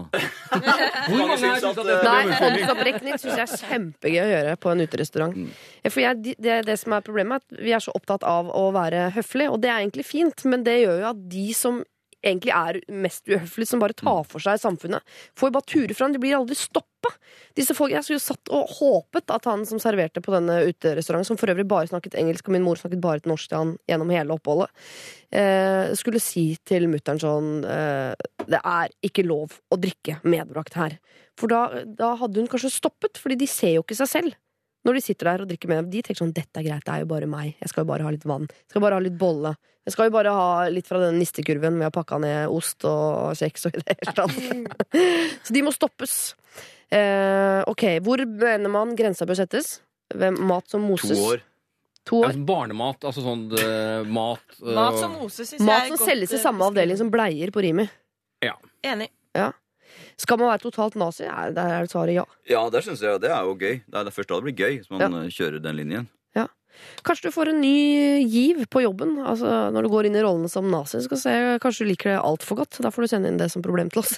Så skal vi se om vi kan moderere det hele. Men eh, ja, her er det en samfunnsplikt å sette ned foten og få de som tar for seg, til å føle seg litt grann eh, dumme. Og så kan du gå på bakrommet og le sammen med kollegaene dine etterpå. For det er du som har rett. Dette er P3. Rudimental sammen med Ella Air, Waiting All Night. Og før det, Todd Terje med sin eh, Ja, ja, jeg veit at det sies sånn, men det høres bare ut som en episode av Ringenes herre. Jeg gidder ikke. Kunne bare hett Dynamite. Syns det hadde vært mye bedre. Mr. D Dynamite har du hørt. Todd Terje, altså. Eh, du som hører på, tenker kanskje at det å gå på date er sabla kleint. Det er i hvert fall veldig vanlig å tenke at dating er kleint. Norge er ikke et land hvor vi dater mye. Men midt oppi dette dating av kleint-universet som de fleste av oss da beveger seg i, så er det noe som har kommet med den briljante ideen å dobbeldate. Altså, hvis det først skal være kleint, hvorfor ikke gjøre det dobbelt så kleint? Hvorfor ikke ha vitner til kleinheten? Altså, hvilken planet man var på uh, under uh, frembringelsen av konseptet dobbeldate. Det vet ikke jeg, men vi skal straks gå på en, i hvert fall. Jeg og dagens rådgivere blir med på en uh, dobbeldate. Og så gjenstår det å se da, om det blir eh, vellykket eller eh, ei. Men eh, først skal vi høre Issues. Dette her er Never Lose Your Flames. Lørdagsrådet på P3. Lørdagsrådet hører du på her på NRK P3, og i dag er jeg så heldig å ha med meg eh, Viking Torbjørn Har. jeg har så lyst Du er en av de få som jeg, jeg tror nesten jeg kunne tatt CV-en din ganske sånn eh, på rams. Alt du har gjort, Oi. fra Frida med hjertet i hånden og oppover. Ja. Eh, Eller ned- nedover. Eller nedover, bortover, kall det hva du vil. Eh, men jeg skal la det være. Eh, Line Elvsåshagen, eh, den kan jeg også på rams, for det er vel Westerdals P3 Morgen. Helt korrekt. Og Lenger har vi ikke kommet, Nei. men jeg gleder meg til fortsettelsen. Fersk. Rune Gokstad, det her har jeg mista oversikten. Ja, veldig virrete. Men det er stort sett NRK. Ja, nesten hele tiden. Nesten hele tiden. Ja. Du er den første jeg tror jeg har fortalt før, men den første mannen jeg noensinne intervjuet, er jo deg. Oi! Er det sant? Ja. Da var jeg på audition for å ta over etter, uh, i et program som het Blender her i NRK. Et sånn Ja. SMS-program på Ja. 90-tallet. Var jeg på audition, og da var en oppgave å intervjue en kjendis. Og da kom du inn. Okay. Så intervjuet jeg deg, jeg hva jeg spurte om. Etterpå så sa du at du elsket meg. Jeg fikk jeg ikke jobben nå da. Nei? Oi, så koselig. veldig koselig. flott, Da da. tenkte jeg at den jobben er min. Det var den ikke, da. Den var Håvard lei i eller et eller annet. Ja, og hvor er han Men nå? du elsket han òg, gjorde du ikke det? Nei, ikke skal Nei, det sa du ikke. Nei. Da ble jeg skuffa. vet du hva? Håvard Lilla, jeg har et horn i siden på han. Har du? Vi, ja, Øystein og jeg laget et program som het Øystein og meg, hvor vi hadde, hvor vi hadde fått sydd noen sånne flotte dress, lindresser. Eh, så med vest. Ja, kjempetøffe. Beige, ikke sant? Ja, Ja. lyse. Det huset Og så, og så kom jeg ned Eller så satt jeg og så på Blender, Mm. og der satt Håvard Lilleheie i min dress. Nei eller da. det som var min, da. Jeg liksom opplevde det som min. Eh, og den var søla ned, og det var liksom sånn, nei, det var sånn Blender var sånn, sånn rølpeprogram. Og så sitter han inni lindressen min! Det er liksom sånn, Jeg har aldri vært borti at noen har klart å voldta eh, et klesplagg, men det gjorde Håvard Lilleheie der, altså. Har du snakket med Håvard Lille om eh, dette? nei, dette er første gangen jeg snakker om det. Deilig, det er deilig å få det ut. Ja. Jeg skal sende det til Håvard, så kan han tenke litt på det. Mm. Ja. Eh, nå skal vi hjelpe en usikker jente på 20 år. Mm. Eh, hun skriver til oss, kjære Lørdagsrådet. Jeg og kjæresten min har nettopp startet å dra på en del dobbeltdater med et par hun kjente fra før vi ble sammen. Jeg har selv blitt godt kjent med dem de siste månedene. Vi er usikre på om vårt problem egentlig er et problem, og derfor vil vi ta det opp med dere før vi eventuelt tar det opp med dem. På daten er vi litt kosete hvis vi ser film eller holder hender når vi går på tur. Venneparet gjør derimot ingen av delene. De rører aldri hverandre, selv om de bare har vært et par i et halvt år. Vi har aldri sett de gjøre noe som indikerer at de er kjærester i det hele tatt. Som at eh, de kun er venner, og det ser ikke ut som de er forelsket, selv om vi ikke har hørt noe negativt om forholdet. Vi syns derfor det er litt kleint, siden vi som par er så ulike. Jenta i forholdet er en god venn av oss, vi har lyst til å ta det opp, men det er vanskelig å vite hvordan vi skal gjøre det, og om vi i det hele tatt skal. Vi lurer på eh, også om eh, de kan se på vårt kjærlighetsforhold rundt dem som for mye, eller at de bare ikke liker å vise følelser rundt andre. Hilsen usikker jente 20. Ser dere klart for dere disse to kjæresteparene? Ja, Ja. det ser vi absolutt klart for oss. Jeg må jo innrømme at med en gang så ser jeg for meg at de to sitter oppå hverandre og råkliner. Ja. Bare demper i de greiene her når du sender inn her. Og da må jeg si, hvis det er det de egentlig gjør, er det særs upassende. Spesielt hvis de sitter et annet par rett opp og ned stive som stokker. Enig. Jeg syns man ikke skal kline i offentlig rom. Jeg blir jo irritert når jeg ser folk kline på T-banen. Eller jeg synes, tenker sånn så søtt, men ja, hold opp. Eh, er lov å spørre, Hvordan er dere, Torbjørn? Er det mye sånn tafsing i offentlig rom, du og kona? Uh, jeg vet ikke hvor tafsing grensa for det går, men det er jo Ja, ja det er jo Leiing og lukter Ja, ja, hverandre? det sånn? er det. Det er det jo litt, ja. Eh, men råklining er enig, det, det driver vi ikke så mye Ja, med. men det driver man ikke med etter et halvt års tid uansett. Å jo. Råkliner dere på privaten? Ja. Er det sant? Eh, Setter ja. av tid til kliningen? Vi setter ikke av, det er ikke noe sånn time. Vi har ikke satt av sånn torsdag fra halv åtte. Men, men, Ja, så koselig. men, men jeg tror Men hvis det er Det må være lov. Altså det er jeg enig i, og det høres litt sånn ut som eh, du sier at de holder på litt for mye. Og, eh, og om at noen ikke kliner eller uh, nusser på hverandre, det betyr ikke at de ikke har et bra forhold. er, ikke, sånn, er ikke det mest vanlige, nesten? De parene som ikke er sånn, sånn offentlig forelska? Jeg syns det er mest av det. Eller? Jo, det, ja, jeg er enig med deg i det. Hvor er du hen der, Rune? Nei, jeg øh, Nå har jeg vært gift en stund. Eh, nei, jeg, vi kliner ikke så mye øh, lenger, må jeg nok innrømme.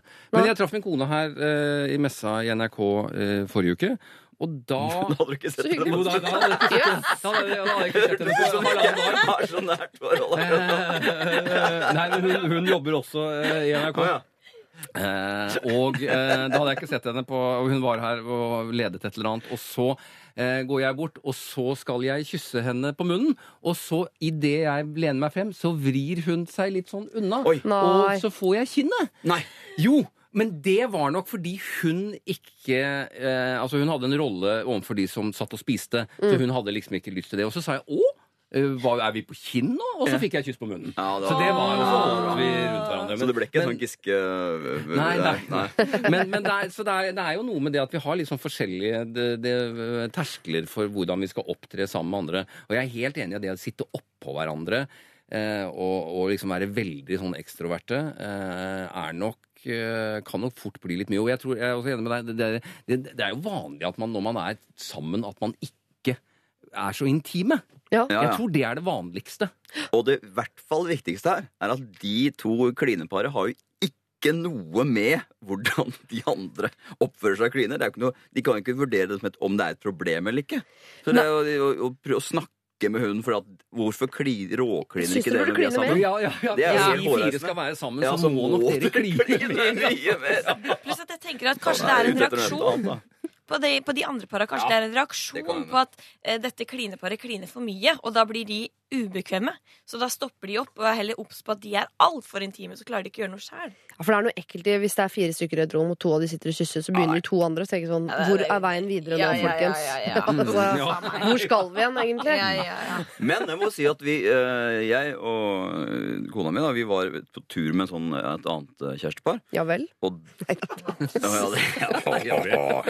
Nei, og da var det, og da var det ikke klining og sånn, men da var det liksom holdt hverandre i hånden og sånn. Og det andre paret gjorde ikke det det hele tatt. Før liksom mot slutten av den turen. Og da var vi så fornøyd. For liksom, liksom det lille der hadde liksom på en måte Ok, nå er det rom for det. Og da ble det til det. Det var, det var koselig. Mm. Så Ja. i det små går det vel an å gjøre noe, men ikke sånn I hvert fall ikke ta det opp med de andre. Nei, jeg tror det er klokt å dempe ned, og så bare la den der Ja, la det ja. Den konfrontasjonen ligge, altså. Ja. Men jeg liker, det ligger jo noe uh, vel, kjærlighet i at man som venninne har under venninnen sin og også har et sånt forhold som man har selv. Fordi hvis, uh, jeg også man vil jo at alle skal være så forelska at de omtrent ikke klarer å la være å leie og susse på hverandre og lukte og være helt sånn. Og da, er- da, hvis man er et sånt par, så skjønner jeg at man syns det er rart at ikke andre er sånn. At man da tenker at de er mindre forelska. Ikke annerledes, men mindre. Så jeg liker at hun på en måte er litt sånn bekymret for om er ikke venninnen min i et forhold hvor de egentlig er forelska hverandre? Burde de kanskje ikke være sammen? Så jeg, jeg skjønner at hun er nysgjerrig på at hun vil finne ut av det. For hvis de faktisk ikke er forelsket i hverandre, så har hun kanskje lyst til å si sånn Kanskje ikke dere burde være sammen, eller Men jeg syns det er, jeg synes det er eh, Virker ikke eh, helt sånn kvalifisert som, som samlivsterapeut, syns jeg, altså. Nei. Jeg syns det er litt sånn vrient eh, å, å skulle gå inn Hun er 20. Mm. Jeg tror det er litt sånn vrient å gå inn der og skulle rådgi uh, venninnen og høre Har du det egentlig så bra. Men kan hun ikke spørre om Som venninne kan hun spørre på generell basis Ja, sånn det går an. Er dere fortsatt forelska? Ja, ja, ok, ja. Hva er det du liker ved han eller hun, eller Og jeg syns på generell basis at det egentlig er litt for lite intimkontakt i offentlig rom. Og da snakker jeg om leie han og nusse litt. Det syns jeg burde være greit. Så tenker jeg sånn, Å nei, er det fordi at folk egentlig ikke er så forelska? Eller hva er årsaken til det? Så er kanskje, jeg kan kjenne meg litt igjen i hennes fortvilelse, egentlig. Ja. Men det kan hende at de paret som sitter ikke tar på hverandre der i offentlig, har et mye bedre sexliv enn hun der som driver og smånusser. Det vet Ja, ja, ja, Vi, det er umulig å vite det.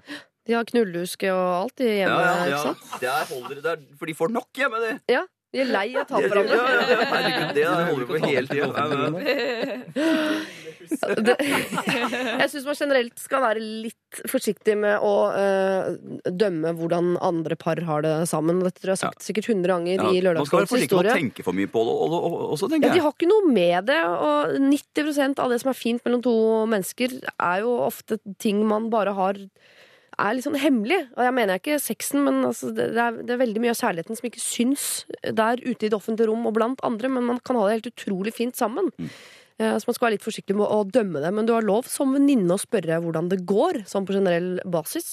Og så kan dere tone dere litt ned, men så kan dere kanskje prøve å påvirke med sånn Mye leiing kan jo føre til at de også etter hvert kanskje begynner å leie, for det er jo hyggelig, det.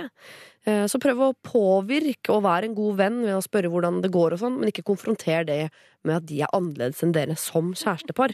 Dere er kjærestepar, men dere er ikke noe fasit på et kjærestepar. Dette er Er P3. Vi har tatt en runde på sivil status, vi har tatt en runde på hva folk driver med, vi har tatt en runde på høyde, faktisk, og i det hele tatt. Nå eh, lurer jeg på eh, hvem som røyker, og hvilket forhold man har til eh, røyking. Så vi begynner med Torbjørn her. Eh, Jeg røyker ikke. Nei, aldri gjort. Eh, Nei, egentlig ikke. Men er du en antirøyker?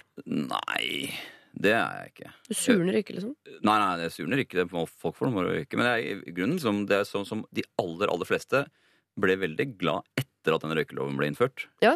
Det er jo en velsignelse. Ja. Når man er i andre land hvor det røykes ut, så er man sånn i all verden. Jeg tenker at man er gæren, ja. Ja. Er sånn, ja. Røykeloven er det smarteste siden rundkjøringa, spør du meg. Sånn samfunnsmessig. Line, åssen er det med deg? Jeg røyker heller ikke. Ikke i det hele tatt? Eh, det, nei, ikke i det hele tatt. Det var et tidspunkt i niende klasse da jeg festrøyka. Eh, Og det som foregikk da, var at jeg var på en hjemmefest i en ganske lekker stue. Tok meg en røyk, fikk enormt nikotinsjokk og kasta opp, opp, Upp, ja. kasta opp over Ja. hele stuegulvet. Måtte ligge i skam og tørke opp. Så siden det har jeg verken klart eller villet røyke, i frykt for å kaste opp igjen. Men er du sånn gnellebitt som kjefter på andre som røyker? sånn? Overhodet ikke. Men jeg har opplevd at veldig mange har begynt å spørre om er det greit at jeg røyker. Ja, Og det det syns jeg, jeg er ganske fint, egentlig. Og så sier jeg selvfølgelig da hver gang ja, selvfølgelig kan du røyke. Ja. Eh, og jeg hadde jo ikke sagt nei eller sagt ifra kan du være snill å legge fra deg den der, men jeg syns det er veldig hyggelig å spørre. Og så er det med deg, Rune. Jo, Du festrøyker litt, eller? Ja, jeg gjør nok det. Jeg har sluttet å røyke først én gang, og så øh, begynte jeg med sånne små sigarillos, og så lot jeg meg hypnotisere. Og da, da Det virket veldig bra. Oi. Eh, da forsvant Altså, det fysiske behovet tok det litt tid å bli kvitt, men Mm. eh, ønsket om å røyke, det forsvant helt. Så det det var liksom, ja, det var veldig rart. Kroppen ville, men hodet ville ikke. Men er du litt sånn alternativ? hodet. Nei, men akkurat der var jeg det. Da, da var jeg det, og det Men det har funket. vedvart, liksom? Nja, vi har fortapt seg litt. Å, Der, vi, vi, har, vi, hadde, vi har vært ute og reist, Øystein og jeg, og da vi kjørte til Mongolia, så tok jeg én sigarett om dagen. Fordi vi var liksom sånn langt hjemmefra. Og, og sånn. Og så, da vi, så kjørte vi India på tvers, og da ble det litt mer enn én om dagen. Eh, og nå er det litt sånn av og til. Men jeg kan gå Åssen var det i Mellom-Amerika? Da Røykt var det på vel noe- også lite grann. Eh, Det kommer litt an på hvem i familien som hører på. Ja, ok. Men fikk du beskjed om denne hypnotiseringen virker ikke utenfor Norge? Nei, det, var nok, det har nok fortapt seg over tid. Der, der, altså. Man flytter litt sånn mentale grenser. Men jeg kan helt uten noen som helst problemer eh, gå uten uh, sigaretter eller sånne små sigarillos uh, i en måned. Det, det er liksom, jeg er litt sånn leilighetsrøyker. Jeg bare lurer på dette med hypnotiseringa. For da går man jo tilbake i tid for å finne ut hvor behovet for sigaretter i utgangspunktet dukket opp. Er det ikke sånn? Ja, det de, det de gjorde, var, eller det hun gjorde, var liksom sånn å rydde opp i underbevisstheten. For det ligger så mange koder der som sier at det, med sigarettrøyking ikke er farlig. Altså Både visuelle og sånn, altså sånn Historien tilsier det. Og jeg, jeg liksom ikke, har ikke hatt noen plager av å, av å røyke. Så det ligger liksom Det ligger veldig lite negativt uh, inni, inni Ja. underbevisstheten. Så hun gikk inn og ryddet opp i det. Og så, og så plutselig så fikk jeg et helt annet eh, sånt tankegods når det gjaldt uh, røyking. Skal jeg gi deg en negativ tanke rundt dette med røyking? Ja. Når jeg ser folk som røyker, så tenker jeg sånn Å ja, har du vært med i Big Brother? Men det Fordi er, jeg så det er så lav status, å røyke. Ja, det er Ja, veldig ja, lav status. Mm. Men jeg lurte på nå, kunne vi sendt hun som uh, var så veldig sarkastisk på et sånt hypnosekurs, og bare få rydda opp litt i bakhuet der også, så du slipper å hver gang en sarkastisk replikk skal komme, så å, nei, Ja, der. det hadde vært det er, fint. ja. ja, det er ikke umulig. Det, det, nå skal ikke jeg jeg vet Det er Lørdagsrådet, liksom, Men jeg vet at man kan Jeg, jeg, har, jeg har utviklet en litt sånn uh, hemmende høydeintoleranse. Høydeskrekk, altså.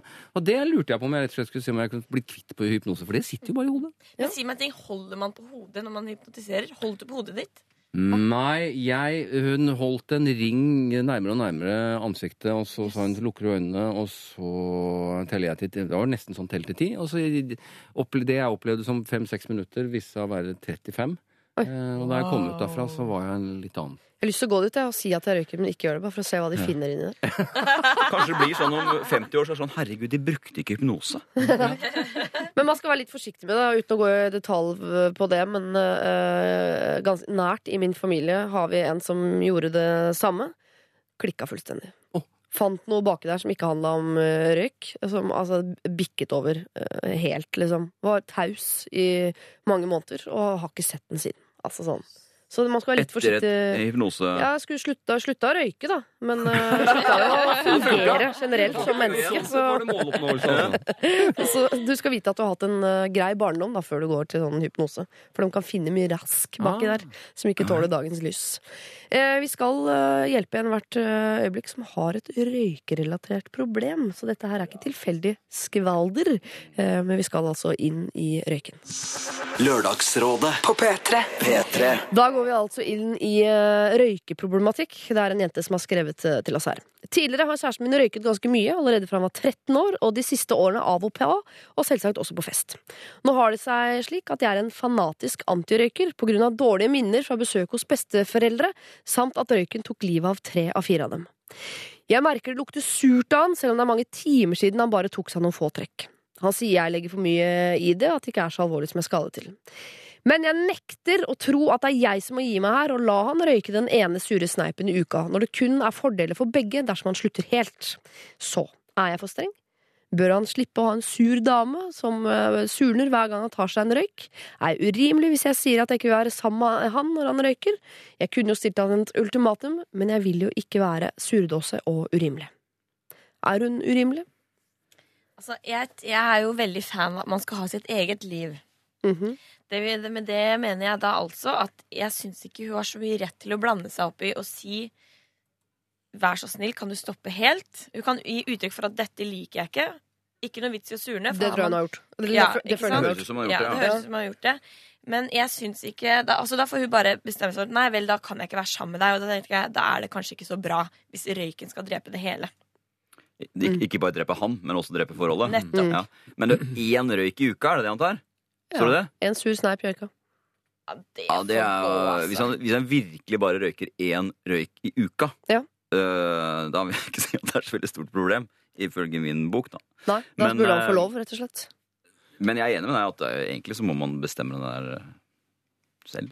Ja, Ja, det er, hun har jo en utfordring hvis hun er veldig antirøyk, og så har hun funnet seg en, en fyr som, uh, som røyker. Ja. Da må han jo ha noen egenskaper, uh, i hvert fall litt tidlig i forholdet, som gjorde at hun klarte å se gjennom fingrene med, med røykingen hans. Men går det ikke an å si, inngå kompromiss? da? Altså, Du tar en røyk i uka, og rett etter du har tatt den røyken, så må du bare dusje. Så det slipper den sure lukta di. Går ikke det an? Hvis det er den ene sure lukta rett etterpå der, og én røyk i uka. Ok, Kanskje det tar livet av noen, det skal ikke jeg si. Men, Så hvis han er på fest, så er det sånn han koser seg og går ut på terrassen der med kompiser, så ja, altså, men nå, nå, må jeg, dusje. Kan eh, å bruke noe antibac eller våtserviett da, for å lufte litt på hendene? i hvert fall? Du eh, røyk, nå Etter at røykeloven kommer, så har den røykelukta blitt eh, Når den først er der, så registrerer man så innmari. Når ungene har vært eh, og og overnatta hos svigers, så lukter det altså røyk av uh, eh, Duplo-klosser. Altså, det setter seg røyk i absolutt alt. Så det blir du ikke kvitt med noe antibac. Altså, Nei, ting må, må skrubbes og desinfiseres. Men hvis han går eh, på utsiden, på verandaen eller på gårdsplassen, og tar seg den ene røyken i ny og ne som han setter pris på, og så går han inn og pusser tennene og, og spiser en pastill, eller holder seg unna til lukta har gitt seg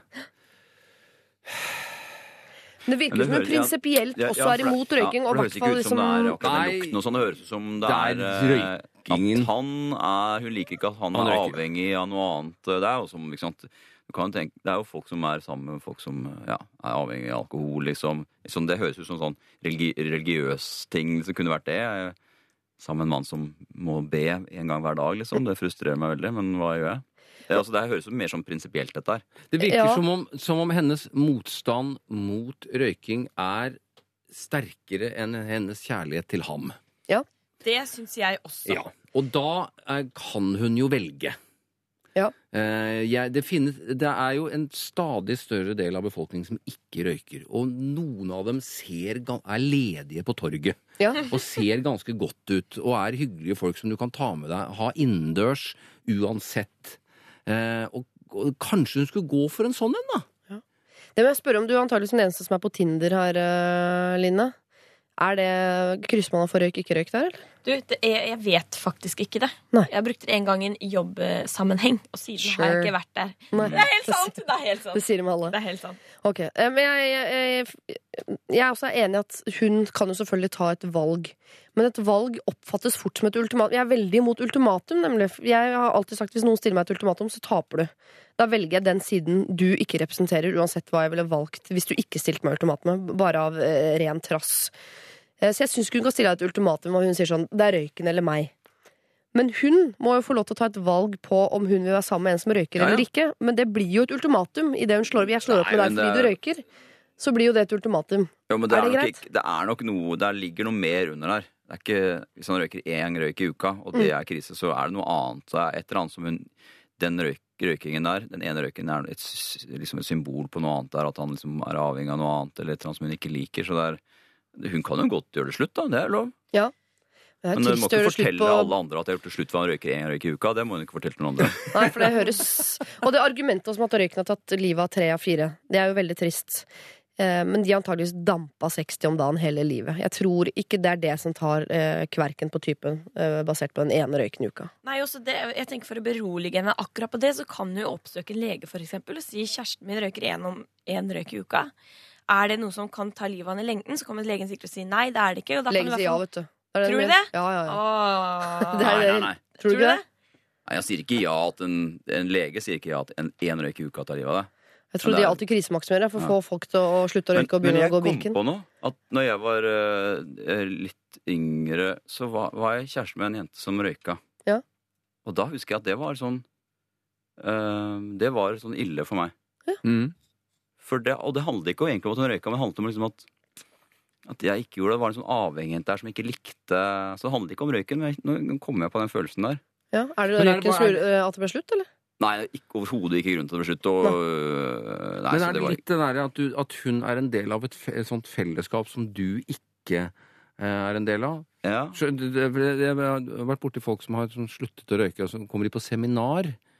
Eh, og så må de forholde seg til en helt annen gruppe mennesker. Altså de, de, ja, for de, De ja, de som røyker, ja, de, de, røykerne står på utsiden og har, har det fyr og har noe å prate om. ikke sant? Mens alle, eh, som var det i hvert fall tidligere, alle, alle de ikke-røykerne eh, Nå er det jo heldigvis flere og flere av dem.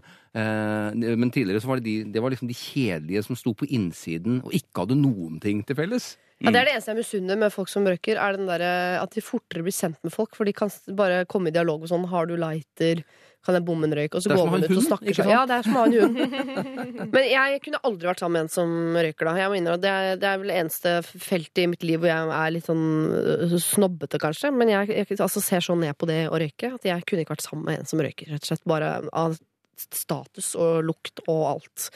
Ja, men det handler handler mer om hva røyking er, liksom. Ikke hva ja. røyk representerer, Ja, ja. ja. Jeg hadde slitt ganske sånn enormt med å være sammen med Ja. en som røyker. Jeg må innrømme at det også, hvis eh, kona mi hadde røykt masse, så hadde jeg også syntes det var ille. Men er det dama i ditt liv? Ja, Ja, altså, det er det. Hun må veie her, altså hva som er viktigst eh, Altså du må veie her, hva som er viktigst for deg. Han, eh, med den røyken en gang i uka, eh, eller ikke røyk i det hele tatt. For jeg, jeg tror ikke du kan kreve at han slutter å ta den ene røyken. For det fins ikke noen argumenter, egentlig, som er sterke nok til at han skal slutte med den ene røyken i uka. Vi vi syns vel ikke det. Nei. Nei. Nei, hvis det er én røyk i uka, så Ja. Så her må du ta et valg. Han med én røyk i uka, eller uh, finne en som overhodet ikke røyker.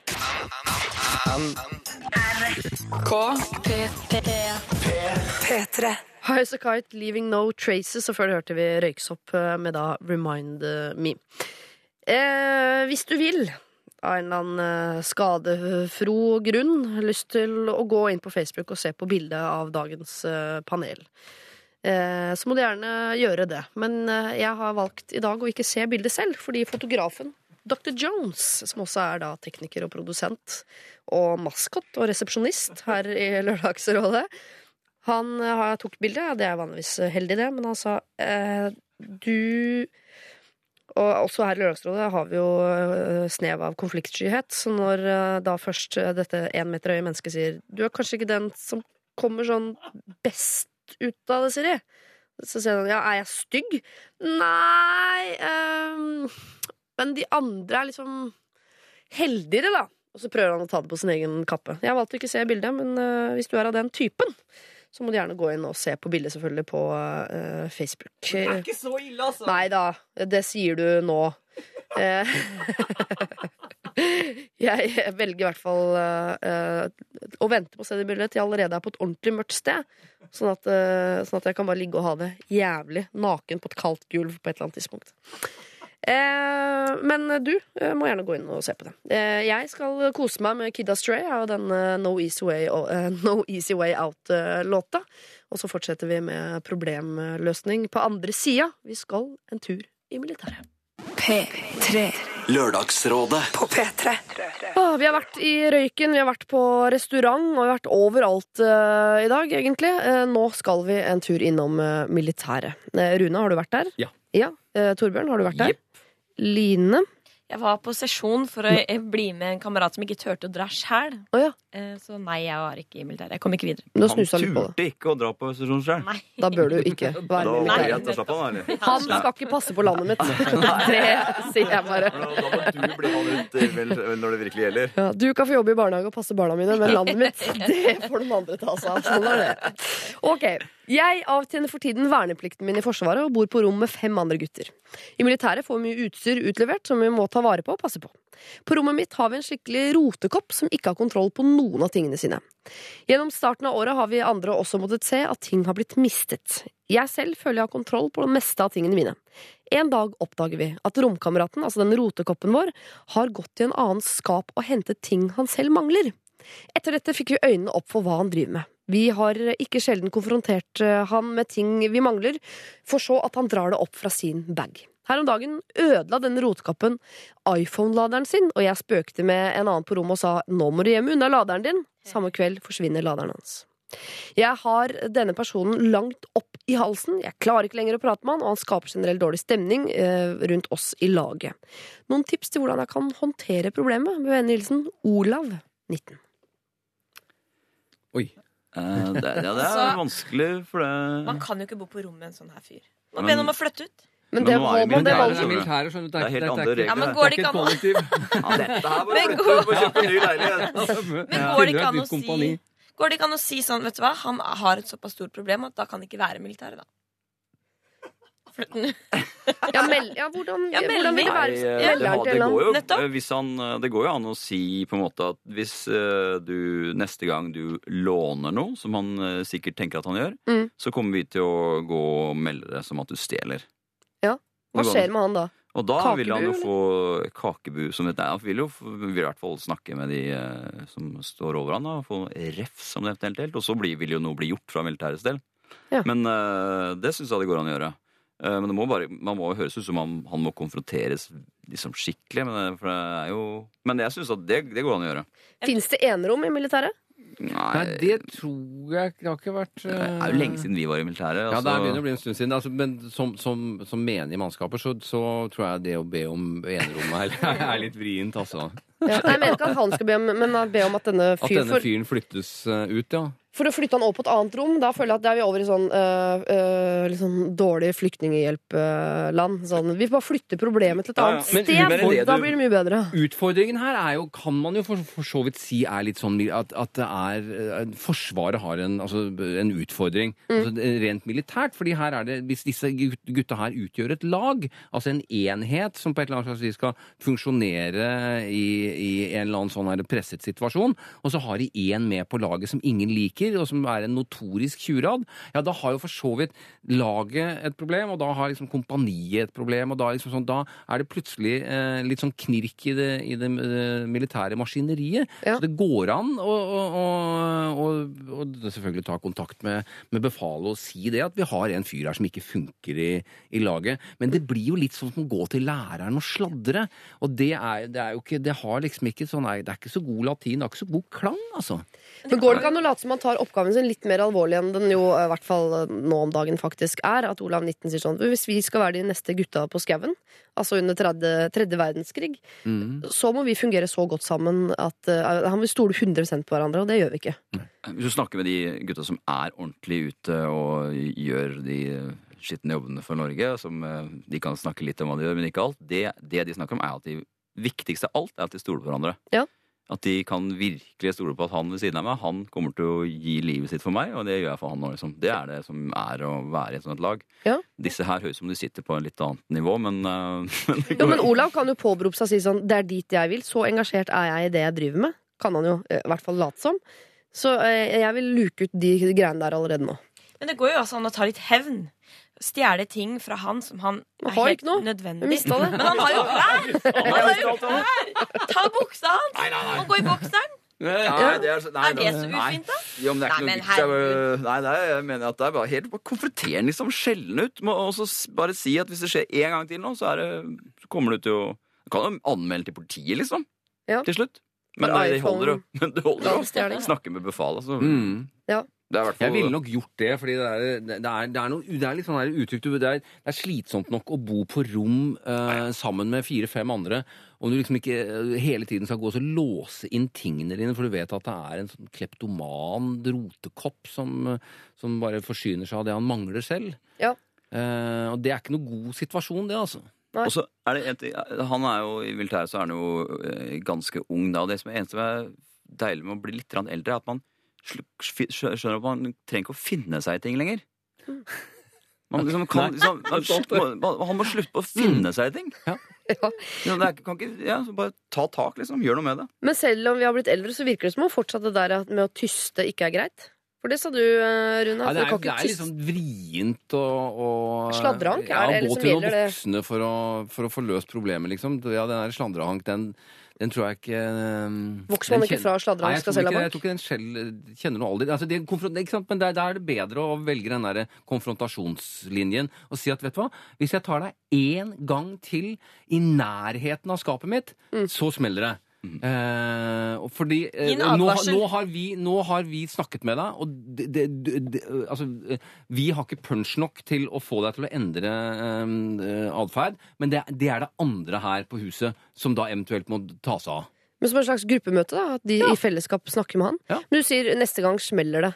Ja, det viktigste man har lært fra, eh, som oppdragende mor, er at da må man følge opp. Ja, Så ja, ja. neste gang skal det smelle, da.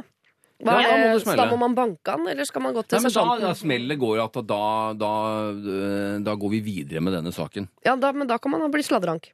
Nei, han er da- ikke sladrehank. Du kan nei, sagt fra på forhånd. Hvis du sier fra på forhånd og sier at vet du, dette her er, eh, vi har snakket om det, så hvis du ikke endrer atferd, så, så må vi, så må vi eh, få noen, da må vi få noen voksne til å håndtere dette her. Det er ikke sladring. Men det å gå og, og liksom sånn Han stjeler uten å ha hatt den konfrontasjonen i forkant. Da er vi på sladrehankaker, syns jeg. Ok. Eh, altså, Olav, 19. eh, du må ikke være sladrehank, eh, så du kan ikke gå og ta opp dette med noen andre. Du må ta det opp med den det gjelder, gjerne i et slags gruppemøte. Og da presisere at neste gang, ja, da kommer vi til å gå og si fra. Da tar vi dette eh, videre til sersjant, oberst, løytnant. Jeg sier bare ord jeg ikke vet hva det betyr. Ja, men du var inne eh, på, inne ja, på ja. på, Ja, sersjanten. men var innom både marinen og fly og alt, eller? Ja, det var mye, mye hæren. Mye hæren? Ja. ok.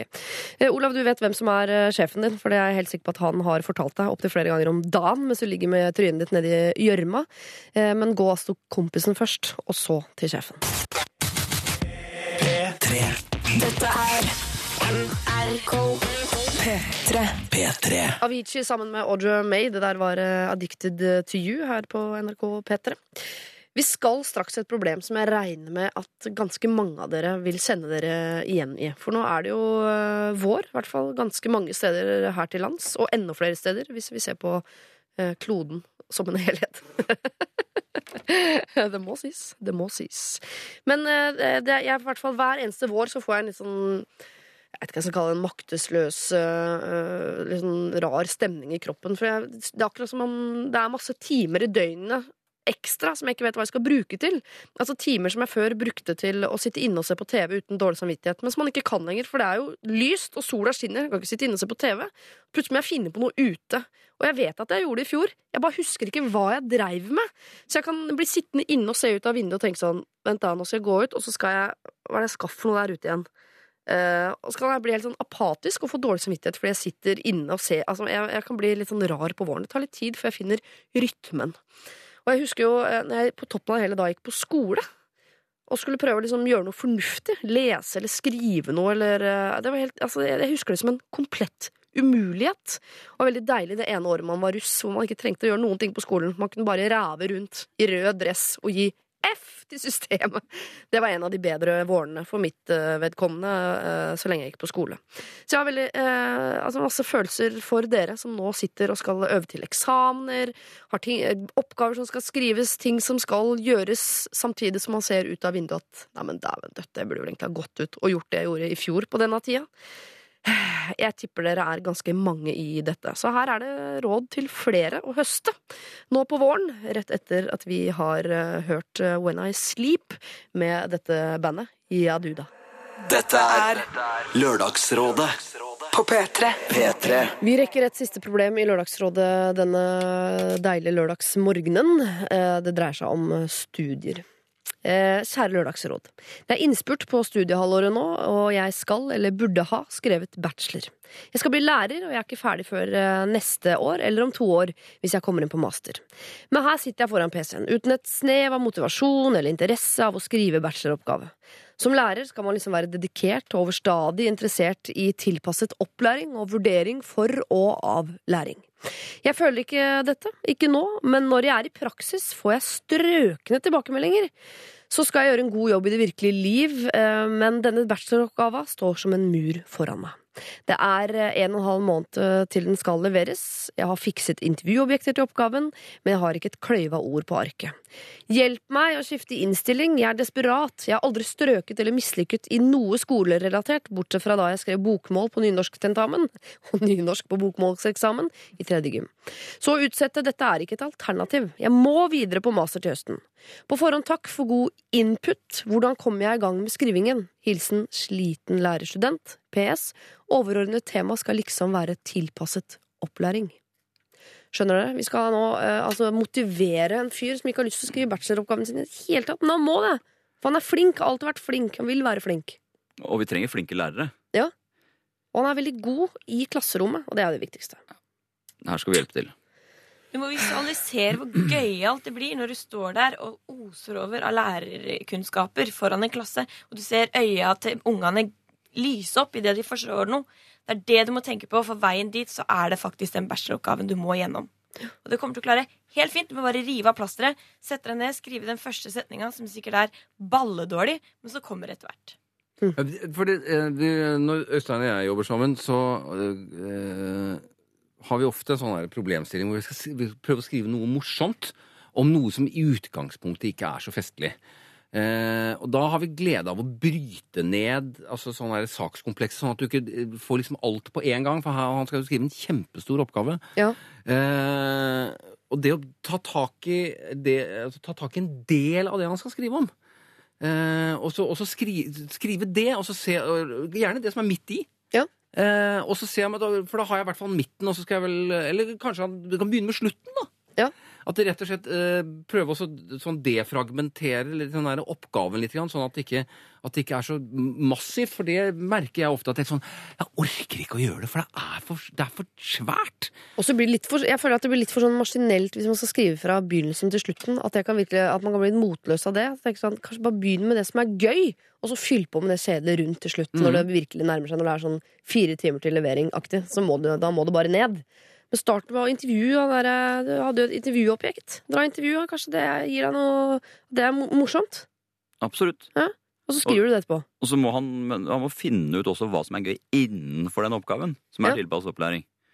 Eh, så han eh, et bitte med en liten flik av noe som kunne vært interessant. Og så kan, for det høres ut som det, han kan høres ut som det kan velge litt innenfor dette temaet. Helt sikkert. Eh, det er et veldig godt tips å dra og intervjue han. Eh, og uten vite egentlig hva han skal snakke om.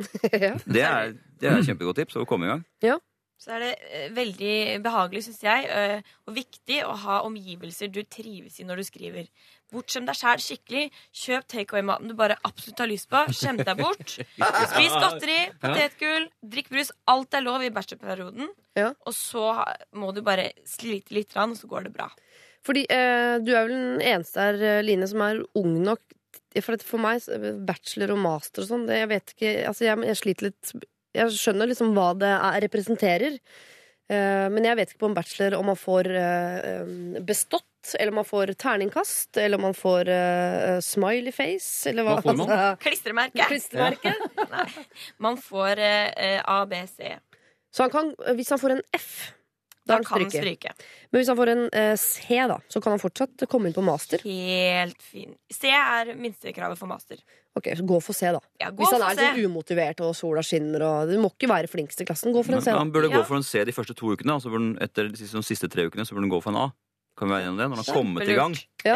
Og funnet det der. Det er bare å begynne. Det er som Mm. du sier, man må bare begynne et eller Jeg tror du må bare finne Skrive. en liten, den morsomme delen. Det er det som, for det må være noe inni deg. Han, han er jo opptatt av dette med læreryrket. Det hørtes jo ikke var tilpasset opplæring. Kan ikke skrive om tilpasset opplæring for de som mangler motivasjon? Ja, for det er en egen gruppe, faktisk. Ja, altså liksom Forske litt i hva det er. Hvorfor, mm. Ja, Og motivasjon og dårlig motivasjon. ja kanskje det. Mm. Du kan, eh, i hvert fall jeg, jeg vet, jeg vet ikke, Hvis du ikke har motivasjon, så må du i hvert fall senke ambisjonene ned til et eller annet nivå hvor det ligger noe som kan minne om motivasjon, og så begynne der, og så bare håpe at det blir morsomt nok til at uh, til at du gidder å fullføre, liksom. For det viktigste er at han bare fullfører. Husker Da jeg tok forberedende, da var det tallkarakterer, og da var 3.15 det var liksom det dårligste du kunne få, men det var bestått. Og da var det en kompis av meg som sa det. Alt over 3.15 er bortkasta tid.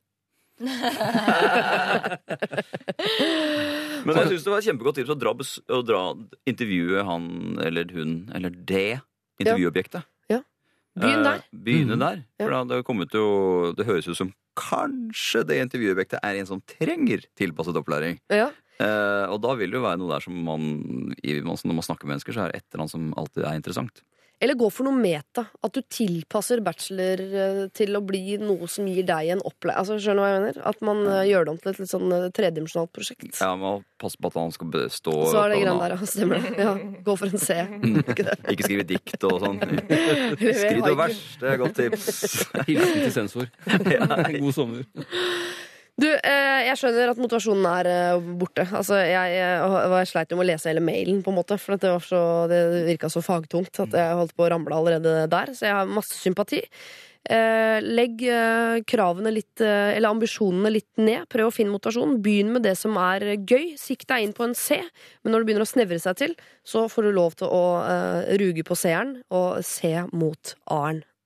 det ble nesten en rapp. Mm. Jeg er fornøyd. Takk for meg. Dette er Dette er P3. Tiden er inne for å dele ut en T-skjorte. Line Elvsåshagen, du må løpe, så du skal få lov til å bare eh, Hvilket problem on the top of your head er det du husker best akkurat nå? Jeg husker røykeproblemet. Røykeproblemet Jeg er litt overraska over det, egentlig. Ja. Men det husker jeg best. Det er det du husker best. Eh, greit, da tar vi med oss det inn i videre diskusjon, og så får du ha en god dag videre. Takk i like måte. Nå skal vi baktale deg. Nei, Ikke Og gjør det! da, last ned podkast, så får du høre hva vi egentlig mener.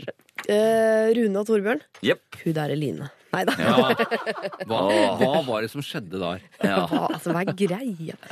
Eh, hun har slengt røykeproblemet i potten. Jeg skal eh, nå si hvilke andre problemer som eh, ligger der. Eh, det var en eh, som var redd for å miste mannen i sitt liv, og det var da disse naboene. Hun fryktet Ja. at eh, sin håndverkermann var forelsket i nabokvinnen. Vi har en jente som ønsket å bli et bedre menneske. Hun ønsket heller å bli en bedre venn. Hun hadde mistet alle vennene sine etter år med sarkasme og frekkhet. Vi hadde en restauranteier som lurte på hvor grensa går for medbrakt mat og drikke på restaurant, og om man kunne si fra. Eh, Så har vi eh, to, eller ett par som drev og gå på date, eh, med et annet par. Og de var veldig lite fysiske. Lurte på om man skulle ta opp med dem, om de i var forelsket i hverandre. Nei. Så har vi røykeproblemet, selvfølgelig, og så har vi dette militærproblemet, hvor de har en romkamerat som stjeler noe inn i, i helvete, hvis det er lov å si. Og til slutt også et bachelorproblem. Hvem fortjener T-skjorte? Dere setter selv premisset for hva Vil du begynne? Ja, jeg tenker at, man kan, eh, at vi kan bruke den T-skjorten og sende den til noen som kan bruke den til noe. Ja. Eh, og da tenker jeg for eksempel at eh, eh, disse Altså hun eh, dama eh, som bor i dette naboskapet, Mm. hun kan jo ha på seg den T-skjorten, eh, og ha på T-skjorten, levere podkasten og be dem lytte på dette her. Mm. Eh, eller så kan det for eksempel Det er Da er du store baller. Ja, da er det store baller. Men det er kanskje det som må til. Eh, går det an å sende det til han kjæresten som røyker? Altså ikke til henne, men til han andre? Ja, det blir vanskelig. Ja, for- Som en premie for at han er så Nei, flink til å røyke lite. Kan røyke med den T-skjorta. Ja. Jeg vil ikke ha røyklukt i P3-T-skjortene. Jeg, eh, min sympati går i retning av hun som vil bli et bedre menneske Ja. og en bedre venn. Fordi hun eh, har liksom lagt hodet på blokka. Eh, hun har innsett problemet, Mm. hun har bedt om unnskyldning, og så tar hun det skrittet og får problematikken kringkastet eh, på radio. Ehm, og hvis hun da får en T-skjorte i tillegg, så begynner jo denne botsgangen å bli litt sånn synlig for, ja. for vennekretsen. Ja, for hun kan jo også bruke en T-skjorte Ja, til noe. si at, Det er vet du hva, jo jeg fikk den fordi jeg tok opp det problemet som vi alle sammen har opplevd, altså meg Mhm. på radio. Ja. Og hun er jo den som har den største jobben å gjøre her. Mm. På en måte. Ja, Hun hun har ikke bare, skal ikke bare av med et plaster, hun skal på en måte endre seg som menneske. Mm. Og det kan godt, hun kan nok trenge en T-skjorte, hun, også, på veien der. Kanskje det er eh, første steget? Ja. Men hun lover å bruke den, altså. Ja, dere bestemmer, jeg, men uh... Nei, jeg syns at det er en veldig veldig fin ting å sende det til henne. som Skal vi gå for det? Det Og Line er jo ikke her, så vi kan jo Nei. gi blanke F Ja, i det. der røykebehovet Ja. hun uh... Ja, nei, det er bare å Ja.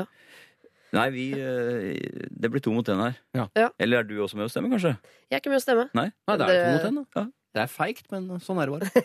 Jeg liker det veldig godt. To menn mot en kvinne. Det er bra, det. Eh, det blir altså T-skjorte til deg som har en jobb å, å gjøre. Altså, du skal endre deg og bli et bedre menneske, og i andre rekke også da selvfølgelig en bedre venn. Eh, jeg sier takk til to andre veldig bra mennesker. Dere har ikke noe jobb å gjøre i det hele tatt. Dere kan bare bli akkurat som dere er. Eh, Torbjørn Harr og Rune Gokstad. Ha en fortreffelig lørdag videre. Lørdagsrådet med Siri Kristiansen. På P3. P3. Joel Compass har du hørt, og da uh, Forgive Me. Jeg sitter her uh, mutters aleine, det vil si Dr. Jones, du er her fortsatt. Takk for fortreffelig produsering og teknikering. Bare hyggelig! Mhm, og et uh, jævla støkt foto. Men det får gå. Det var greit. Ja, jeg har ikke sett det. Jeg bare bruker dine ord. Jeg sa, jeg sa det var greit. Ja, ok, Men i mitt hode betyr det helt jævlig. Eh, jeg skulle bare minne om at eh, dagens sending lar seg laste ned som podkast i løpet av eh, bitte, bitte små minutter. Så kan du gjøre det om igjen og om igjen og om igjen hvis ditt hjerte ønsker. Der ligger jo selvfølgelig alle andre sendinger vi også har hatt, helt siden tidenes morgen, faktisk. Eh, vi er tilbake om en uke. Fortsett å sende inn problemene dine til lralfakrøll.nrk.no. Rådgivere neste uke er P3s Tuva, P3s Ken og Christer Torjussen. Eh, og vi har gjort det sånn fordi det rimer, rett og slett. Det er ikke noe større tenkning bak det hele. Eh, opp mot nyhetene så skal du få kose deg med to nydelige låter. Calvin Harris sin Summer, og ikke minst Emilie Nicolas sin Grown Up. Og så må du gjerne fortsette å høre på, for på andre siden så går fortsatt, enn så lenge, Radioresepsjonen her på P3. God lørdag! P3. Dette er Lørdagsrådet På P3. P3. Hør flere podkaster på nrk.no podkast.